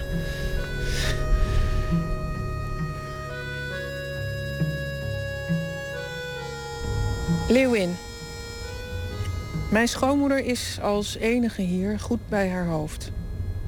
Eigenlijk komt ze alleen beneden uit beleefdheid. De hele troep zit aan de lange tafel. Naast haar friemelt een dame met haar ijsje. Doe toch normaal, zegt ze. Oeh, hoor je mij? Wil je niet met mij praten? Smaakt het lekker? vraag ik. Voor een minuut slaag ik erin de aandacht te verplaatsen. Dan is er weer die buurvrouw. Doe toch normaal, zegt schoonmama. Maak niet zo'n rommel. Hé, hey, kun je niet praten? Wat zijn het toch voor halve zolen hier? Wat doe ik hier? Kom ik hier vaker?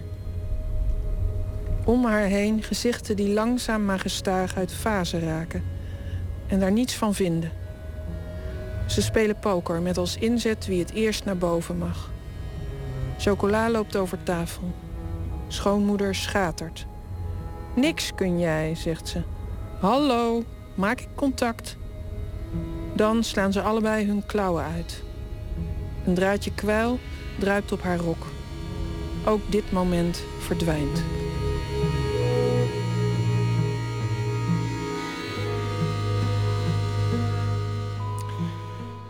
Ja, dat was vrouwtje Tuinman. Haar nieuwe bundel heet Sanatorium en het is uitgegeven door Cossé. En de maker van de reportage was Matthijs Deen. Marion Black is een Amerikaanse soulzanger uit Columbus, Ohio... die in 1970 naam maakte met de single Who Knows. Nummer betekende de geboorte van het Capsule-label. Who Knows is ook het nummer dat we nu gaan draaien.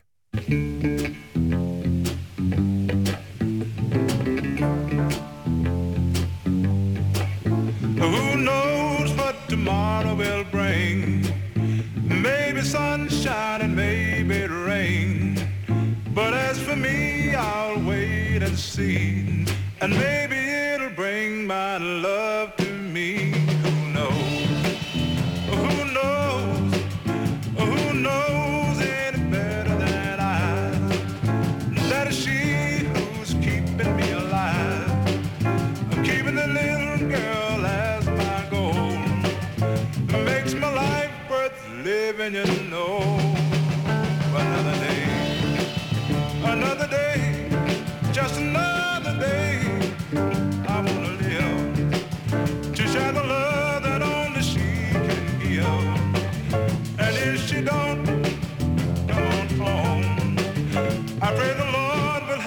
Carry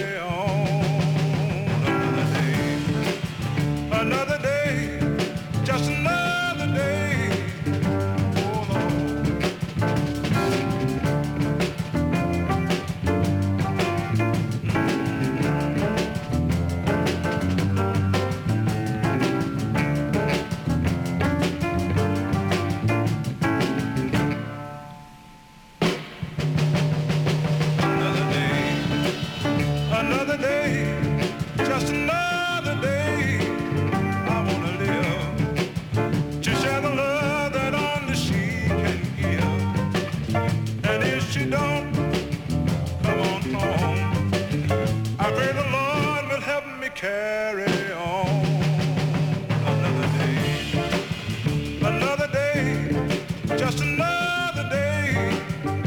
Oh Lord, for who knows but tomorrow will bring maybe sunshine and maybe rain. But as for me, I'll wait and see. Ja, tot zover de Amerikaanse soulzanger Marion Black met Who Knows. Nooit meer slapen. half twee geweest in VPRO's Nooit meer slapen. En vaak op dit tijdstip praten we met correspondenten over wat er speelt op cultureel gebied. En vannacht doen we dat met Pia de Jong. Ze woont alweer een paar jaar met man Robert Dijkgraaf en kinderen op de campus van Princeton University. Dag Pia. Ja, goedenavond. Ja. Op, op Labor Day notabene heb je toch nog even tijd voor ons vrij willen maken. Ja, dat is echt een, uh, een van de... Nou ja, alsof ze niet genoeg vrije dagen hebben gehad in Amerika... maar zo'n beetje de dag voordat alles van start gaat.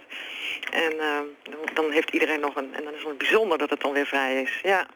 Ja, wat gaat er allemaal van start? Waar denk je dan aan? Nou, zeg maar, ik liep toevallig vanmiddag even over de campus van de universiteit. En dan brengen alle ouders brengen hun, uh, hun kinderen vandaag. Dus uh, die gaan dan hier studeren. En dat is dan hun eerste dag dat ze hun ouders gaan afleveren.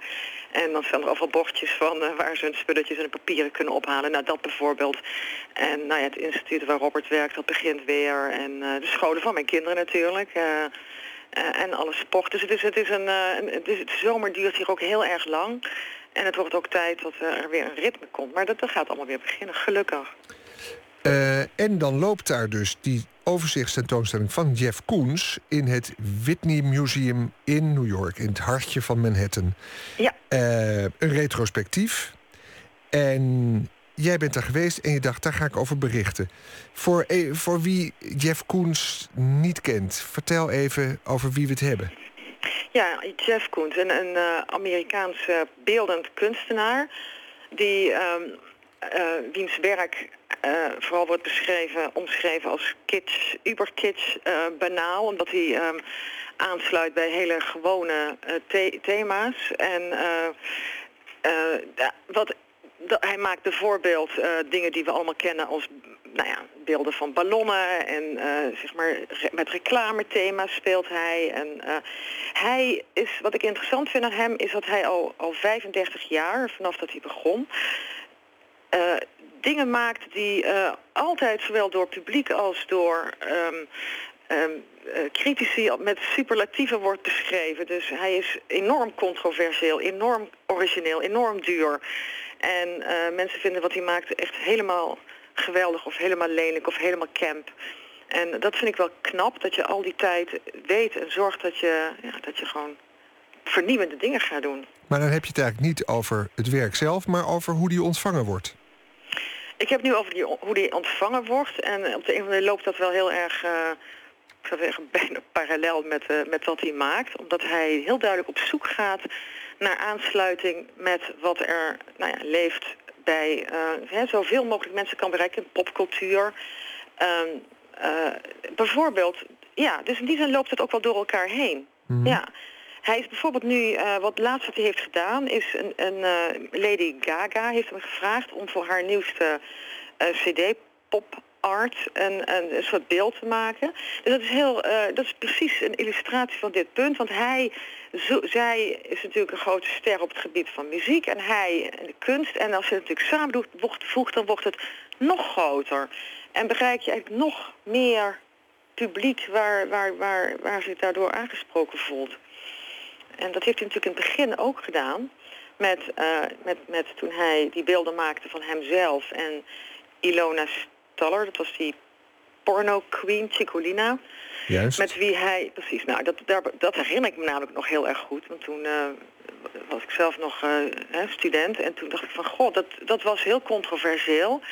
En dat, die beelden kun je daar trouwens ook zien in dat uh, overzicht tentoonstelling. Nou, dat waren ook twee werelden die met elkaar gecombineerd werden. En daardoor denk ik, op de een of andere manier gaat er dan iets, iets ja, dat zinderen... waardoor een heleboel mensen zich daar toe aangesproken voelen.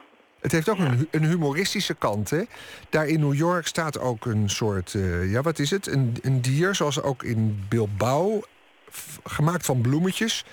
Dus ook uh, ja, eigenlijk het allerlelijkste denkbaar heeft hij daar tot kunst verheven. Ja, Ja, dat is heel merkwaardig. Het- Dat, dat staat daar, ja, zo'n soort hond van bloemetje. Het is, het is, ja, het is nogal afzichtelijk. Maar bijvoorbeeld, hij heeft eh, ook, dat kan je ook zien in dat eh, museum, die hond, hè, die ballonhond gemaakt, balloon dog. En eh, nou, dat is echt zo'n soort, letterlijk iets wat zo'n man, een clown of de kermis voor kleine kinderen maakt, maar dan in een soort mega opgeblazen vorm. In, eh, en dat is, zeg maar, wordt bijvoorbeeld door, door Sheldal, dat is een, een van die critici die nogal serieus wordt genomen als nou, de, de most pleasurable sculpture ever, het meest geweldige, eh, fijne ding om naar te kijken, de meest sublieme beeld ooit gemaakt door een levende kunst. En dat is voor 58 miljoen recentelijk verkocht. En dus het hoogste bedrag wat ooit betaald is voor een kunstwerk van een levende kunstenaar. Dus ja, maar goed, er zit altijd een ondertoon in van... Hmm, Ja, want- cynisme. Heel veel mensen die dit horen, die zeggen natuurlijk... die hele kunstwereld is knettergek geworden. Ja, ja, ja. nou ja, als je door die tentoonstelling heen loopt, dan waan je ook wel in een, in een, in een soort nachtmerrie. Dus Het is, eh, de- hij speelt met dit soort thema's. Het is niet kunst die, eh, nou ja, het is geen Rembrandt waar je enorm door ont, ontroerd raakt. Dat is het helemaal niet. Het is, het is eh, wel, nou ja, ontregelend in de zin dat je denkt van, goh, wat, wat, wat, in gods hemelsnaam, wat moet ik met een Michael Jackson van porselein, van dat enorme kitscherige, hè, dat, die Duitse beeldjes allemaal met franjes en rimpeltjes in een soort goud brokaat met, met zijn apenbubbels. En toch blijf je er naar kijken. En ja, ik vind het, het is, ik, vind, ik vond het allemaal erg intrigerend. En natuurlijk ook, het is, het is ook spuuglelijk. Heel veel dingen zijn nogal afzichtelijk. Ja, het is, ook, het is waar dat heel veel mensen zich eraan storen. En het is natuurlijk ook de decadentie ten top gedreven. Ja. Ja. Ehm, heb je daarmee ook je mening gegeven over wat er nu in dat Whitney te zien is? Eh, is, het, is, het, is het veel? Eh, is het uiteindelijk bevredigend? Heeft het niet een beetje dat het op een gegeven moment toch eh, verflauwt? Dat je denkt van oké, ik heb het nu door, het is een gimmick. En Nou ja, dat zou je dus denken. Je denkt dus van, die man die, die, die blijft maar eh, nou ja, variaties op een thema doen van die, die, die campachtige kitsch. Ja. Maar blijkbaar, en dat vind ik zelf wel interessant, blijkbaar blijft het mensen enorm aantrekken. En ik heb eh, hem samen ontmoet met eh, Lady Gaga. En ik was daar echt van onder. Zij adoreerde hem. Nou, zij is 27. Koen zelf is iets van... eh, die loopt tegen de 60. En die twee hebben elkaar dan helemaal gevonden. Dus ook die, die jeugd, nou ja, jeugd, vindt nog steeds enorme inspiratie bij deze kunstenaar. Dus het is blijkbaar toch niet dat het een... Dus ik zou bijna zeggen, hij is diepzinnig in zijn oppervlakkigheid. Ja, nou ja, je weet, eh, de, de, het Stedelijk Museum kocht ooit die varkentjes aan. Ja. En dat leidde Ja. tot enorme protesten. Met terugwerkende kracht eh, is dat de meest eh, profijtelijke aankoop ever geweest. Want Ja. als ze het nu zouden verkopen, zouden ze een enorm bedrag daarvoor kunnen opstrijken. Ja. Eh, maar niettemin zou je kunnen zeggen, het is de kleren van de keizer. Ja, zou je kunnen zeggen. Maar misschien is dat wel een reflectie van eh, hoe de maatschappij in elkaar steekt. Want hij speelt ook met dit soort thema's. Hij heeft bijvoorbeeld hele... Trouwens, die varkentjes die kan je daar ook bekijken. Maar hij, heeft, hij speelt ook met eh, reclame. Hij doet heel veel met reclame. En dan... eh, het is een beetje Andy, Andy Warhol hè, met uh, ready-mates en hoe hè, de soep, het soepblik. Ja. Daar heeft hij ook eindeloos op doorgegaan. En nog steeds. Ik bedoel, Andy Warhol is, is, is, is een van de bekendste kunstenaars eh, ook. eh, nog altijd. Dus ik, het- er zit iets met eh, een aans... Ja, van hoe zo'n kunstenaar zich ha- handhaaft en iets doet met en reflecteert wat er speelt in ja, een oppervlakkigheid in, in de kunst en in de maatschappij. Pia de Jong, tot slot, voor mensen die er naartoe willen... in november is het retrospectief te zien in het Centre Pompidou in Parijs, begreep ik? Ja. En volgend jaar in het Guggenheim in Bilbao... waar al Ja. dus zo'n... Het handelsmerk van het Guggenheim in Bilbao is al een kunstwerk van Jeff Koons. Ja, kun je nagaan. Want daar Dus, eh, staat, eh, staat hij ook alweer voor. Hij eh, verovert de wereld van de hedendaagse kunst. Pia de nou, Jong, kijk eens aan. Ehm, ja, eh, geniet nog even van de Labor Day en van de stilte voor de storm die het nieuwe seizoen jou gaat brengen. Dank voor je bijdrage. Oké, goedenavond. Dag. Ehm, en wij gaan luisteren naar Honig, een quintet rond de Duitse singer-songwriter Stefan Honig. Die G die kunnen ze daar niet zo mooi uitspreken als ik. Samen met zijn vierkoppige begeleidingsband maakt hij folkliedjes die geheel in het nu zijn geworteld. Van zijn nieuwe album It's Not a Hummingbird, It's Your Father's Ghost is dit het nummer Overboard.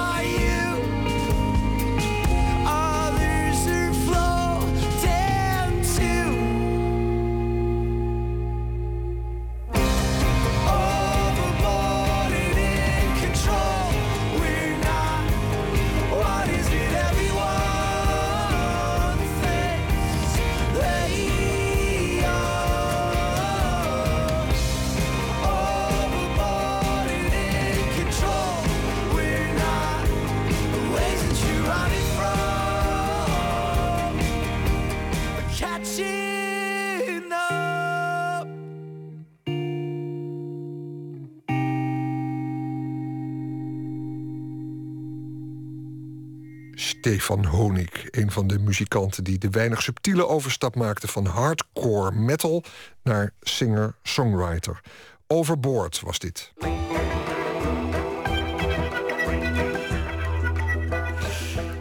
En mocht u wakker liggen, en die kans is best groot, anders dan hoorde u dit niet. Met tien levensgrote bronzen sculpturen verbeeldt Lotta Blokker de slapeloze. De beeldhouwer heeft de afgelopen vijf jaar gewerkt aan de serie The Hour of the Wolf, die nu voor het eerst in Museum de Fundatie te zien is. Naast dit recente werk staan er ook andere beelden uit haar oeuvre. De kunstenaar studeerde aan de prestigieuze Florence Academy of Art, waar ze nog voor het eind van haar opleiding zelf les gaf. Tegenwoordig exposeert ze internationaal, van Berlijn tot New York. Verslaggever Nicole Terborg spreekt Lotta Blokker in het Zwolse Museum De Fundatie.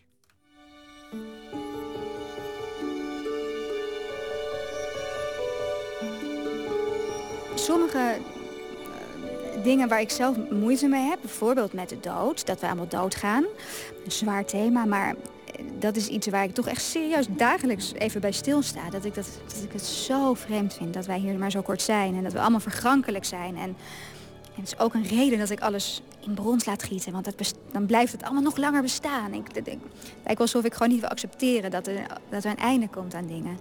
En, ehm, en dat soort emoties die in mij zitten, die, het is allemaal menselijkheid. Het is allemaal mens. We kijken nu naar een beeld uit de serie The Hour of the Wolf. Uh, en die is te zien helemaal bovenin uh, het nieuwe deel van het museum, de bovenste etage, vierde verdieping.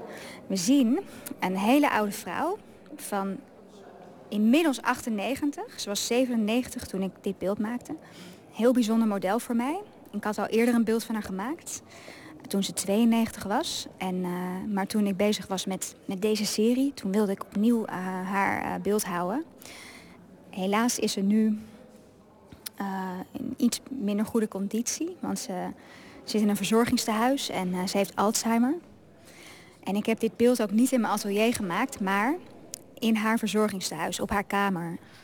Zoals je al zei, zijn hier in een ruimte waar we ongeveer tien bronzen beelden zien van jouw hand. En hier voor ons ligt, uh, Koos is haar voornaam. Ze ligt op de zijkant met haar armen om een stel kussens heen. Nou, ik zag haar in de apotheek. En um, ik heb altijd al een hele oude vrouw of man willen maken. Echt een oude vrouw of man.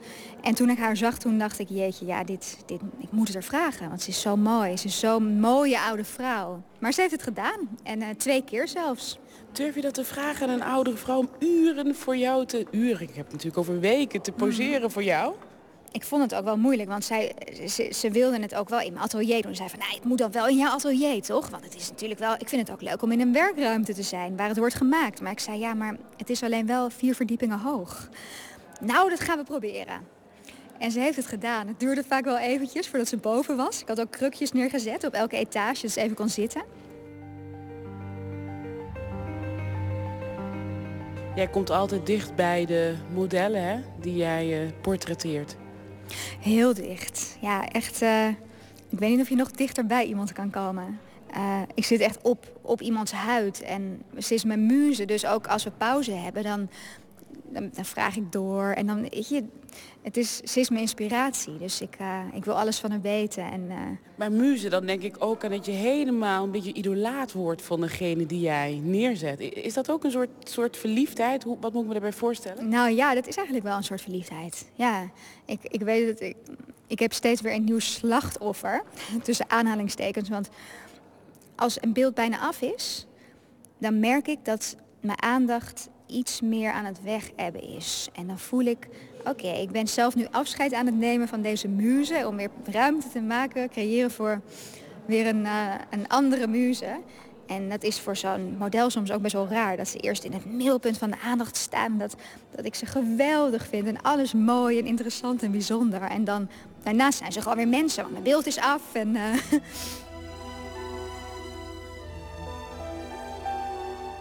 The Hour of the Wolf uh, is ontstaan vanuit een heel oorspronkelijk... of ja, van, vanuit het moment dat ik heel jong was. En dat ik nou ja, een kind was en dat ik s'nachts niet kon slapen. En dat ik daarom dat ik het gevoel had dat ik de enige was... de hele wereld die wakker lag en iedereen slaapt. En dat vond ik altijd een heel eenzaam gevoel. En toen ik in Florence um, niet er heel erg happy was en niet kon slapen dacht ik, ja, ik kan wel weer een paar uur in bed gaan liggen malen. Maar laat ik maar de straat eens opgaan. Dan kan ik tenminste even een stukje wandelen. En ik liep door de straten van Florence, de verlaten stad. Het was donker, het was stil. En toen zag ik hier en daar toch een lampje branden. En toen ging ik even voor zo'n raam staan en dacht ik, wat, wat zal er nou achter die muren van die kamers eh, gebeuren? En wie, wie zit daar? En, en ik vond het ook troostend dat ik dus niet de enige was. Dus die wakker was. Er waren meer nachtbrakers. En, uh,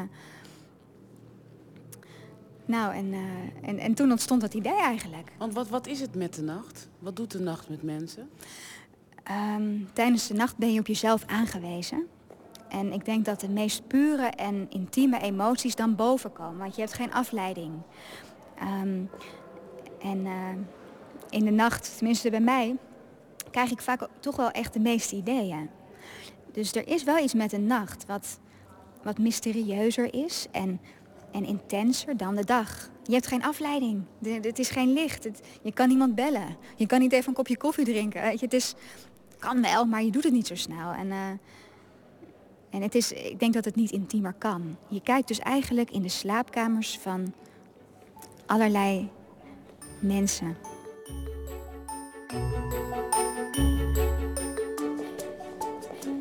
We lopen nu naar een beeld van uh, twee figuren. We zien een, um, een man van middelbare leeftijd. En op zijn schoot zit een vrouw, ook van middelbare leeftijd. En ze, ze, ze omarmen elkaar. Ze troosten elkaar. Als ik kijk naar jouw beelden, het lijken echt mensen die elk moment tot leven kunnen komen. Ik noem dat een soort bezieling. Mm -hmm. Wanneer trekt bezieling in jouw kunstwerken? Um, ja, die bezieling, dat is, dit, dat is dus iets um, wat ik niet bewust kan doen. Dat sluipt echt in zo'n beeld. Um, en dat ontstaat meestal als je dus in zo'n roes zit. Dat je dus juist niet bezig bent met wat je aan het doen bent. Dat je juist niet bezig bent met ik wil een gevoel overbrengen. En wat er ook bij komt kijken is dat, dat je natuurlijk over een lengte van een aantal maanden zo'n beeld maakt. Heel intiem met zo'n model werkt. En in die weken, maanden, zitten natuurlijk heel veel momenten van, ja, van verschillende gemoedstoestanden. Ene moment is het model heel blij. Ander moment ben ik verdrietig. En dan is het model weer heel uh, moe, of weet je. En zo sluipt er steeds wat anders in een beeld. En, en, en ik, ik moet ook dan altijd toch een beetje opletten van... hé, hey, soms valt bijvoorbeeld een mondhoek ineens een beetje op een grappige manier omlaag. Of dan, dan, dan, dan zijn de ogen wat asymmetrisch. Dat één, één ooglid wat lager hangt dan een ander. Zo. En dan denk ik, oké, okay, wacht, dat, dat moet erin, dat moet erin. Dus je gebruikt de momenten van, van, van, van de dagen om meer afwisseling te krijgen in zo'n beeld. En zo komen er heel veel gemoedstoestanden. En die sluipen dan in zo'n beeld.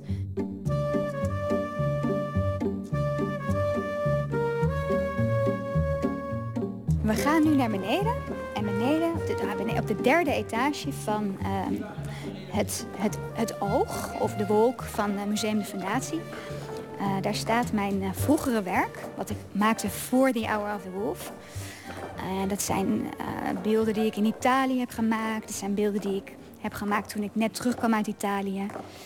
En, uh, en ik, ik vind het zelf heel bijzonder om ze allemaal ook bij elkaar te zien. Want je ziet wel die ontwikkeling. Ja, het is een overzichtstentoonstelling. Wat doet dat met jou om deze beelden allemaal samen te zien? Jouw carrière eigenlijk samengevat in twee ruimtes. Nou, weet je wat zo gek is? Het is we, zijn, we hebben het zo druk gehad allemaal hier.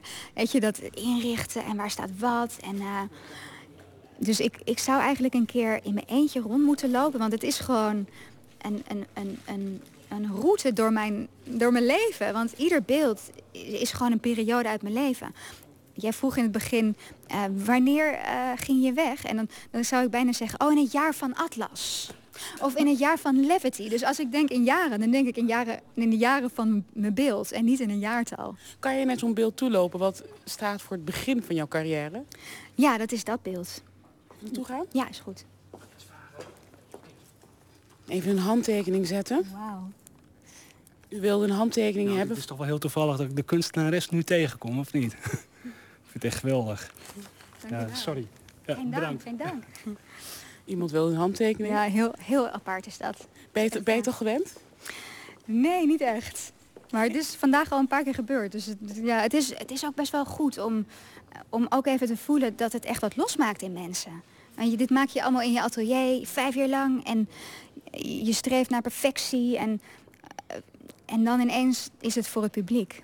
En dan kan ik er ook niks meer aan doen. Vanochtend zat ik dus nog een paar dingetjes toch een heel klein beetje nog beter te maken. Tenminste voor de presentatie. Maar nu moet ik het gewoon loslaten.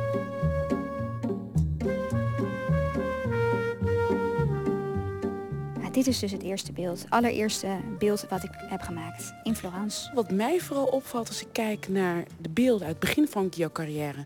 en van, van nu eigenlijk, de afgelopen vijf jaar is dat ze wat grotere houdingen hebben. Het is minder, minder subtiel. Ik zie hier bijvoorbeeld een ingedoken Mhm. figuur. Vanwaar die ontwikkeling naar de kleinere, subtielere bewegingen, houdingen moet ik zeggen.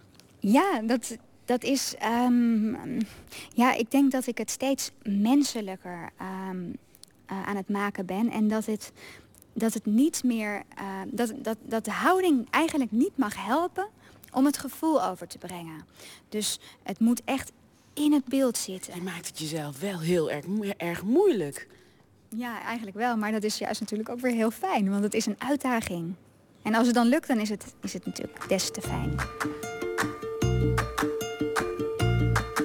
In welke staat moet je verkeren om dit soort beelden te maken? Moet je in een bepaalde staat zijn?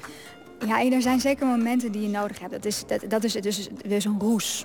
Een, een, een roes waarin je geen tijd meer kent. En, en, en waarin je zelf eigenlijk niet meer meetelt. Dat- je ego weg is. En eh, ehm, dat kan je niet altijd hebben. Want het is heel intens. En ook heel lekker. Ehm, dat heb je wel nodig. Bij ieder beeld heb je die momenten nodig. En ehm, ook qua compositie, dat is weer iets anders. Dan, dan, dan, dan moet je op gevoel gaan. De compositie voelt niet goed of het werkt niet. En dat is misschien wat minder die roes, maar dat is ook een, een, een, concentratie. Maar je hebt ook zeker dagen dat je gewoon heel erg mens bent. En dat je gewoon technisch bezig bent of ambachtelijk. Dat je denkt, nou laat ik maar die voet eens uitwerken. Ik heb Je zegt als ik mens ben, dus als je echt in een soort roes zit, dan, dan voel jij je eigenlijk alsof je niet mens bent. Het is alsof je, niet, alsof je er niet, zelf niet helemaal bent. Dat is, ja, het is heel raar. Want dan heb ik dan, en het is heel fijn als het model dat aanvoelt. De meeste modellen voelen dat gelukkig aan. Van, oh, nu blijf ik... Ik heb wel pijn aan mijn been, maar ik blijf nog even wat langer staan. Want volgens mij is Lotte even helemaal in een raar soort moment. En, en, en, eh, en met, met Koos was het zelfs zo dat zij het heel erg aanvoelde. Dat als ik in mijn roes of in mijn extreme concentratie was... dat ze nog extra in haar rol ging. Of dat ze, dat ze extra lang bleef liggen. En als je een beeld eh, gemaakt hebt, dan kan je niet gelijk doorgaan, heb ik begrepen. Dan verkeer je in een soort staat van onverschilligheid. Als ik klaar ben, als ik klaar ben met een groot project, ehm, ja, dan, dan moet ik eigenlijk afkicken. Dan, eh, dan kan ik niet meteen weer ehm, beginnen met iets nieuws. Vaak ga ik dan iets heel anders doen, zodat ik maar niet in het zwarte gat val. Een soort bes- zelfbescherming. Dan ga ik een scenario schrijven, of dan ga ik een kinderboek tekenen, of dan ga ik ehm, liedjes schrijven, of weet ik veel. Ik moet dan wel bezig blijven met iets creatiefs, maar dat, dat is dan helemaal niet goed. Maar dat geeft dan wel weer een soort afstand en ruimte. En dan langzaam maar zeker beginnen er weer ideeën te ontstaan. En dan, eh, dan ga ik weer in mijn hol. En dan ga ik weer jarenlang, of een jaar of een half jaar, in mijn, in mijn atelier mijn beeld maken.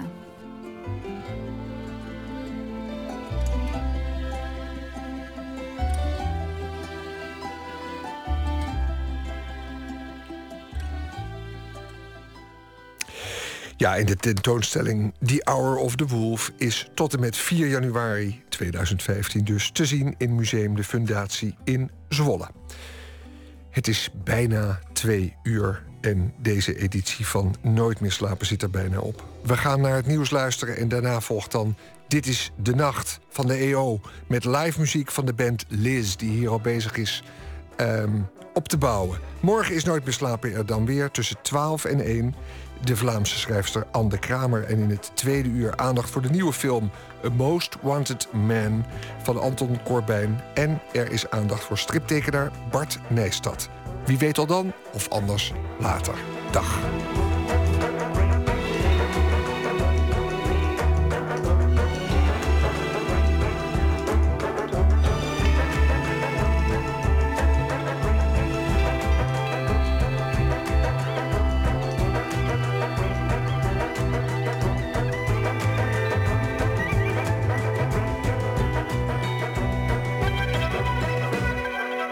Radio 1, het nieuws van alle kanten.